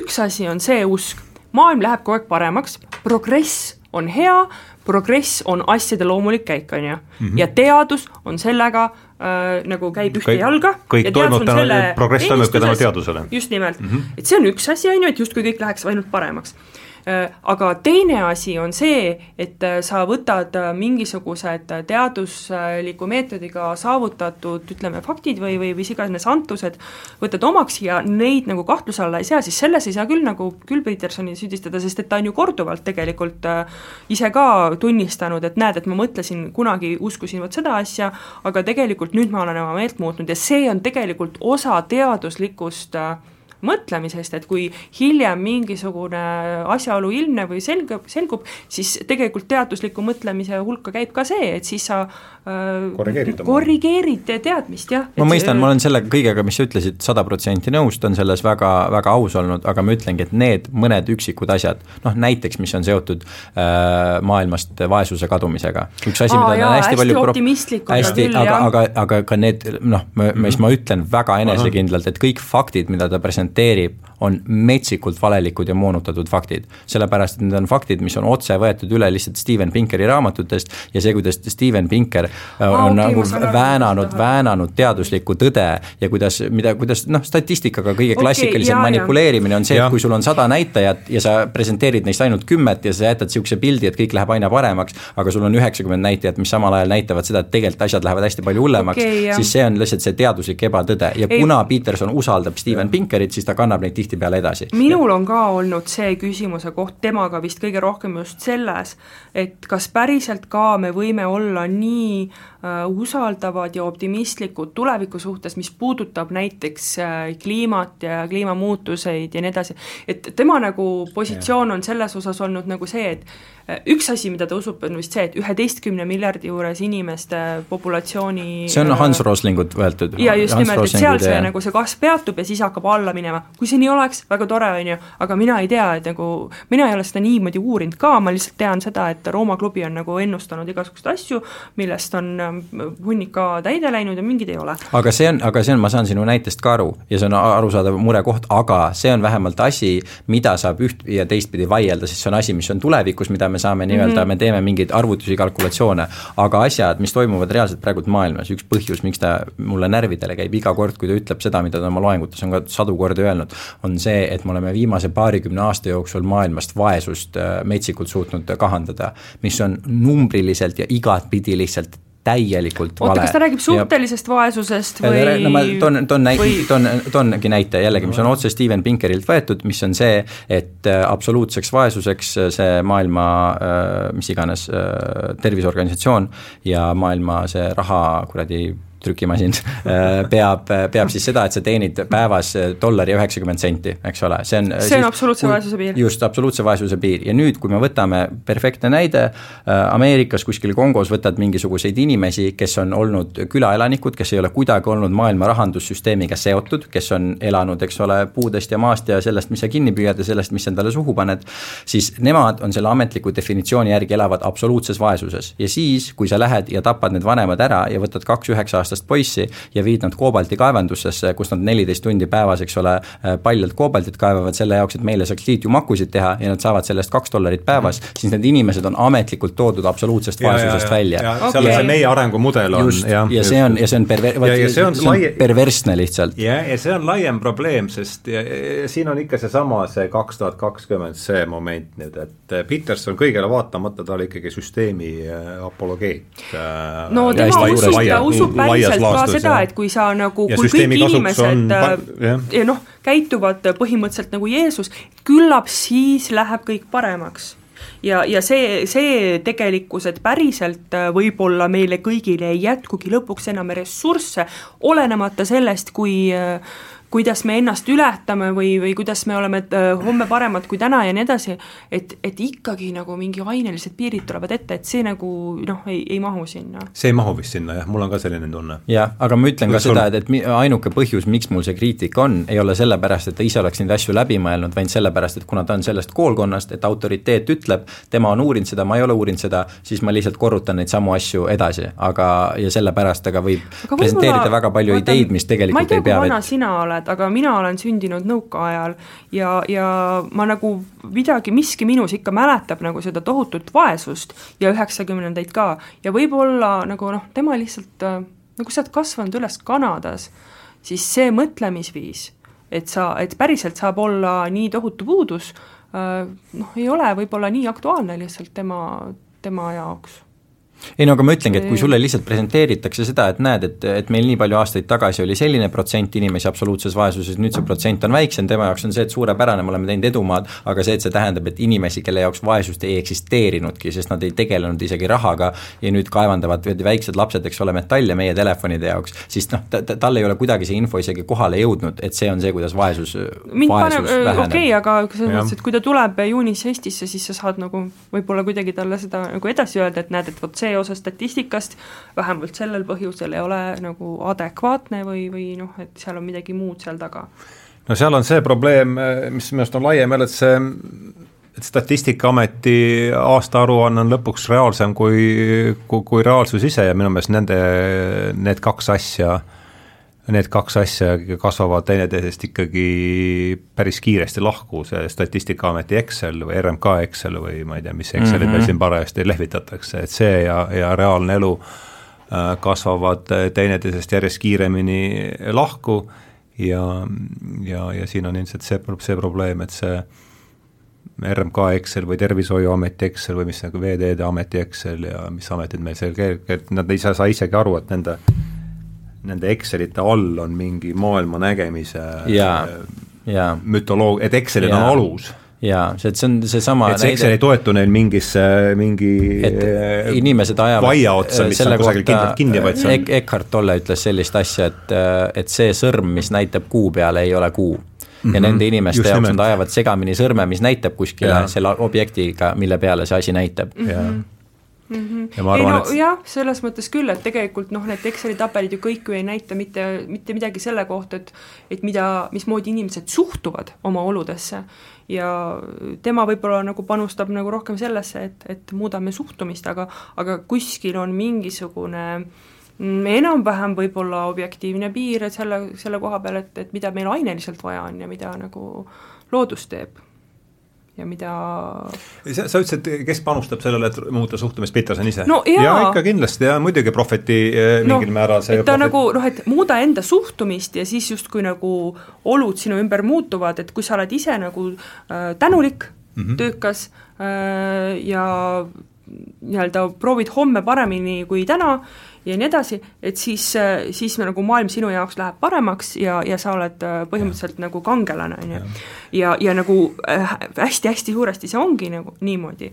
lihtsalt kui ühel hetkel meil ongi liiga palju inimesi siin maa peal ja meil pole lihtsalt kõikide jaoks puhast joogivett, siis ma ei kujuta ette, kuidas, kuidas sa siis oled see kangelane aga, ma, väga ja, head pointid ja see on seesama koht, needsamad minu esimesed kaks kriitikat tema pihta, kuhu äh, kategoriseerub minu siis neljas kriitika, mis on tegelikult seesama osa sellest, on see, et kogu see asi, mida tema propageerib läbi selle siis, et sa ei ole täna piisavalt hea, sest sa saaksid nii palju parem olla, see meelelaad juba on täpselt seesama meelelaad, mis on teinud, tekitanud kõik selle errori, mille sees me praegult elame, et kogu aeg on vaja rohkem, me läheme, ma teen maailma paremaks, eks ole, et me mm -hmm. läheme, läheme areneme, läheme kasvame ja nii edasi. et see on täpselt, vahet ei ole, kas sa tegeled selle, kas see on eneseareng või see on nii-öelda äh, maailma parandamine, see meelelaad, see asi, mis su sees toimub, see on sama süsteem mm. -hmm. ehk siis ta propageerib sedasama okay, äh, elamisviisi, mis on tekitanud kõik need probleemid, millest me tegelikult nagu tahame välja saada. vot sellega ma olen küll äh, okei okay,, aga mina teeks ühe ja. eristuse ikkagi, minu meelest on vahe, kas sa nii-öelda lähed mm -hmm. maailma enda ümber öö, Äh, ringi tegema, et see on sinu jaoks progress. ta pro-, propageerib seda osaliselt. või sa nii-öelda korrastad omaenda tuba, nagu ja. ta ütleb, on ju. seal on just, ja seal on, seal on niisugune nüansiline erinevus, sest ma olen väga sellega nõus, eks ole, et me peame iseennast ennem puhastama, enne kui me saame väljastpoolt midagi puhastada. aga kus tema sellega ka kaldub, on seesama asi, vaata, mis on Ameerikas tekkinud viimase kahekümne aasta jooksul, mis on nii kuradima naljakas. mis on see, et nad avastavad enda jaoks, eks ole, mingisugused idatraditsioonid avastavad enda jaoks mediteerimise, mindfulness'i ja kõik need asjad. ja siis see on, see on kasutamiseks selle jaoks, et sa saaksid äris rohkem teha, see on kasutamine selle jaoks, et sa oleksid mm. produktiivsem, see on nagu kõik. muutunud tööriistaks. just, et sa kasutad seesama asi, mis peaks sind sellest tsüklist välja tõmbama, sa kasutad seda, et selles tsüklis kiiremini nagu seal pesumasina sees nagu kiiremini suuta kaasa joosta sellega Mm -hmm. et see on, et see ja see ongi niisugune nii nüansi erinevus, sest muidu ongi see, et kõik nagu üheksakümmend üheksa protsenti asjadest, mis ta ütleb, ma olen nii kaasas, aga seal on mingi asi on, et lõppude lõpuks ei ole tähtis see, mida sa teed, lõppude lõpuks on tähtis see, mis energia, mis tunnetusega sa midagi teed. sellepärast, et me kõik võime nagu öelda, et ma armastan sind, me kõik võime öelda igasuguseid ilusaid asju me tunneme seda, kui seal ei ole seda, eks ole, tunnet taga või kui see on vale energiaga või kui see on vale eesmärgiga. ja ma arvan, ka see on ka see, miks mul see miks mina Petersonist edasi läksin, sest ühel hetkel ma, kui ma sellega edasi seda tellist puurin, et siis noh, peavad teised asjad tegemata, et seesama see vaimsete praktikate raamat, mille mina võtsin, et see just seesama, et et see praktika annab kogemuse ja kogemus muudab hoiakut ja, ja vaatenurka, et äh, aga see praktika arvan, on ju väga mõnes mõttes materiaalne, aineline iseenda kehaga tegelemine Mm -hmm. on ju, mõnes mõttes tagasi mateeriasse, vaata uh,. osaliselt ja, küll, jaa. kindlasti selle..., aga see on ka sellest, kui me räägime äh, reformatsioonist nojah, see on, võib seda, seda võib arg-, argumenteerida seda nüüd ühte, ühte ja teistpidi, eks, et ma ja, ja aega jääb väheks ka, aga aga põhimõtteliselt küll ja ma olen nõus sellega, jah jaa, aga sest sealt tuleb ka, eks ole, inglise keeles on jumal tuleb transcendentsist, ta peab seda selles kontekstis niimoodi, et jumal tuleb transcendentsist immanentsi, immanentsi tagasi, sest reformatsioon äh, pagendas ta siit äh, sellest ka, kui etümoloogiat natuke vaatame, siis inglise keeles that is what matters eks ole, et lõppude lõpuks sinu keha on ja see on, ja see on see mateeria, see on, see on see, millega me peamegi tööd tegema, sest see on see, mis meil siin maailmas paraku on. viimases saates sul Ivar Trööner ütles väga-väga hästi, mis on nii paganama oluline mm, -hmm. millest enamused inimesed, mul ei ole niisugust tunnet, et aru saavad, et enamuste vaimsete praktikate, igasuguste rituaalide, tseremooniate eesmärk ei peaks olema see, et sa lähed ennast parandama või et sa lähed nagu äh, ma ei tea, kasvama ja arenema, vaid enamuste nende asjade eesmärk on äh, nii-öelda hoida indiviidi ja ühiskonda mingisuguses harmoonias. juba see sõna looduslike... eesmärk, mõtle natuke just, selle peale. just, just, just, just, just, aga eesmärk see... on pärast protsessi. jaa aga protsess kui selline just, aga et kõik, kui me vaatame kristlikke asju, kui me vaatame just, aga, aga just, et loodusest, looduses on, eks ole, looduses on see naturaalne harmoonia nagunii olemas. kuna meil on antud vaba tahe, siis meil on võimalik seda naturaalset harmooniat häirida. Ja mis on kõikide nii religioossete, paganlike, šamanistlike praktikate aluseesmärk on ikkagi see, et iseennast viia sellesse looduse rütmi tagasi, et säilitada no, saavutada seda, kontakt oma ümbrusega, eks ju. kontakt, kontakt ja harmoonia, aga meie oleme ka kõik niisugused šamanistlikud, äh, uuspaganistlikud, kõik sellised rituaalid viinud selleni, et see on selle jaoks, et ma oleksin homme parem inimene. et ma oleksin edukam, tublim, lahedam, kihvtim äh, ja nii edasi, et see on jällegi see, see suunis see ei ole asi iseenda jaoks. just mm. -hmm et kuna me oleme nii, nii saavutustele orienteeritud ühiskond, siis isegi kui me leiame vaimsed praktikad, me hakkame, me nii-öelda suuname need ümber sellele, et see on selle jaoks, et mina saaksin parem, ägedam ja okay. kõvem mees homme olla. aga ma ütleks jälle selle pihta niimoodi, et suurem osa ühiskondi on tegelikult millegi saavutamisele orienteeritud ja sellepärast ka mina ütlen seda, et kui keegi tahab Jordan Petersoni tarbida, tarbige kõrvale Alan Wattsi, tarbige kõrvale Eckhart Tollet, tarbige kõrvale taoismi, äh, kõiki selliseid mõtlejaid, nagu on äh, äh, jah kõik need, keda ma nimetasin ja selliseid on igasuguseid veel ja kes tahab sealt edasi liikuda, siis keda ma kogu aeg mainin, Jonathan Pajot ja kes tahab rohkem nagu seda teaduslikku pilti sinna kõrvale saada, siis äh, John Verveiki, kes on tema kolleeg äh, Toronto ülikoolis mm. -hmm. ja ühel päeval me oleme kõik niikuinii jälle uuesti taimed ja siis meil ei ole mingit eesmärki. jaa, siis lihtsalt chill ime tuule käes ja kena, aga nüüd on niisugune, katsuks siis mingi viie minutiga äh, jutuajamise kokku võtta, et äh, mõlemat üks mõte, mis on jäänud, mis on jäänud lause või niisugune mõttejupike, mis on Petersonist äh, jäänud vaatan, missugune jäänud meelde? kõige rohkem mind kõnetab nendest kaheteistkümnest reeglist, mis siin on aga see ei pruugi seal ükskõik, ükskõik mis kohast, et kumma, kummaltki üks. ma vaatan ka just, et ma olen siin igasugustele asjadele, mis ta on kirjutanud, tõmmanud siin kuradi jooni asju. aa, ma võin öelda viimaseks asjaks sellise asja, äh, mis tuleb sellest, et üks kõige targem tarkusetera, mida ma olen kunagi kuulnud, äh, mis ei tule temalt, aga ta katab seda palju, on see, et igal tõel on sama kaaluga ja vastanduv tõde selle jaoks, et seda balansseerida mm. -hmm. ja vaata, väga palju on igasuguseid suur tõde on see, mille vastandtõde on samuti tõde, on just, üks, üks teine versioon et, sellest. et jah, nii palju on jah. asju, mida me usume ja mida me ütleme ja mis kõlavad väga õigelt, aga siis on asi, mida saad öelda, mis on täpselt vastupidine, mis on täpselt sama õige. et ka kõikide selliste asjadega, mille me võtame iseendale mingisuguseks teesiks, mingisuguseks uskumiseks, mingisuguseks asjaks, vahet pole, kas Jordanilt või kelleltki teiselt, et siis alati hoida iseenda sees ka seda võimalust, et kuigi see on tõde, siis ka selle vastand on tegelikult tõde, et kuigi on vaja pürgida, siis on vaja ka olla see, mille vastand on sama suur tõde mm. -hmm. ma ei mäleta, kes seda ütles. Thomas Mannilt kuulsin mina seda, aga ja. eks ju ta, see on nii ürgne mõte tõenäoliselt, et aga minul on, mina tooksin selle mõtte, mis tal on see reegel number kuus selles äh, kaksteist elureeglit, et äh, enne kui sa maailma kritiseerid, siis tee oma tuba korda, et mul on mm. sellega, selle reegliga nagu hästi vastakad mõtted. et ühest küljest kui ma olen seda ise praktikasse pannud korduvalt, kui ma ei ole maailmaga rahul, siis ma peaks ütlema, et jah, tõesti toimib, pärast ma olen asjadega palju rohkem rahul.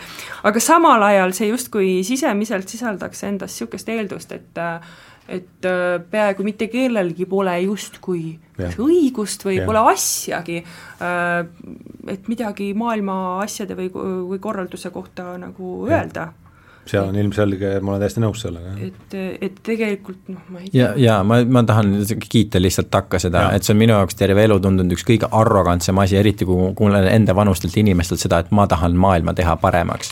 vabandust, maailm on siin nagu päris mitu miljardit aastat saanud ilma sinuta hakkama. see, et sa tuled nüüd ja nagu mingi üheksateistaastaselt vaatad ringi, oled see, et nagu mingi mm, ma näen asju, mis vajavad parandamist, et see on selline nartsissism, et jällegi see parandamine saab ikkagi lõppude lõpuks iseenda sees toimuda ja niikaua, kui me ise puhtad ei ole, siis jällegi tuleme tagasi Jeesuse juurde, et pindu teise silmas näed, palki iseenda silmas ei näe ja tegelikult ju väga suur osa tema sellest toa koristamise reeglist ongi see, et korista enda silmast see palk ära ja siis hakka, siis hakka mujale vaatama. põhimõtteliselt see on metafoor, aga sellest on saanud ka meem, et. jah, ja see on tõesti, et, et kui sellega äärmusse sõita, siis niikaua, kui pole täiuslik, ei ole sul üldse kellegi kohta asja midagi ütelda, mis justkui tundub, et ka ei. ja budismis, budismis on samasugune, samasugune mõte, mis on see, et kui sa kellegi, kellestki teisest midagi halba arvad, siis sa peaksid esimese asjana mõtlema seda, et oota, aga see on ju tema buda natuur, et minu sees peab olema mingisugune mustus, miks ma teda praegu budaks ei pea ja miks ma temas halba näen. Ja ma peaks iseenda seest selle asja ära, ära koristama selles, et teises äh, buda näha huvitav läks wow., praegu tuli täitsa niisugune, et eh, teema, mida võiks siin, oleks võinud ju, mille peale oleks võinud ka kaks eh, tundi puhalt kulut-, kulutada, et minu arust Peterson on niisugune moodsa eksistentsialismi suur, suur kuju minu jaoks mm -hmm. eelkõige ja ja võib-olla mõte, millega mina siit omalt poolt lööksin siis lauda, täitsa tuli praegu meelde, et üks, mis mind tõesti raputas äh, niimoodi äh, ka nendest loengutest, mida ma vaatasin, et äh, kuidas ütles, et miks sa või miks ma kannan või miks sa kannatad või miks ma kannatan, et nad vaata iseennast, et vaata, kui vähe on sind ja kui palju, kui palju on kõike muud, et see, see oli niisugune vau wow.. jällegi lihtlause, aga sellel hetkel kuidagi mõjus äh, eksistentsialistlikult mm. -hmm aga kui nüüd kellekski saade äh, huvi äratas, et siis Edmund Burke'i kodulehel on terve Jord-, on siis Jordan Petersoni playlist, seal on mingi kaks või seal on tubli kolmkümmend, nelikümmend videot, kõige esimene video läks üles sinna kahe tuhande seitsmeteistkümnenda aasta novembris. ja see oli Petersoni video ja kandis siis pealkirja Jordan Peterson, mulle, mulle ei meeldi see küsimus. ja nüüd on kas sa usud Jumalasse? Ja, ja need on sinna, need on sinna nüüd kogunenud äh, jah, ma arvan, neljakümne ringis ja kõigil on eestikeelsed subtiitrid, nii et kui kelleski mm, see saade huvi äratas äh, ja polnud bitti seal vähetõenäolisel juhul, kui ta polnud veel Pit-, Petersonist kuulnud, siis soovitaks vaadata seda, seda playlisti ja ja ma tänan tänaseid saatekülalisi, aitäh, Kärt Kunnus, aitäh, Aleksander-Eri Laupmaa. suur tänu. Rõõm oli teiega siin täna kaks tundi koos veeta ja ja paneme siis täna mikrofoni lukku ja lähme, lähme suuremate sõpradena laiali, kui me enne olimegi, et aitäh ja head nädalavahetust! väga kihvt, suur aitäh! aitäh!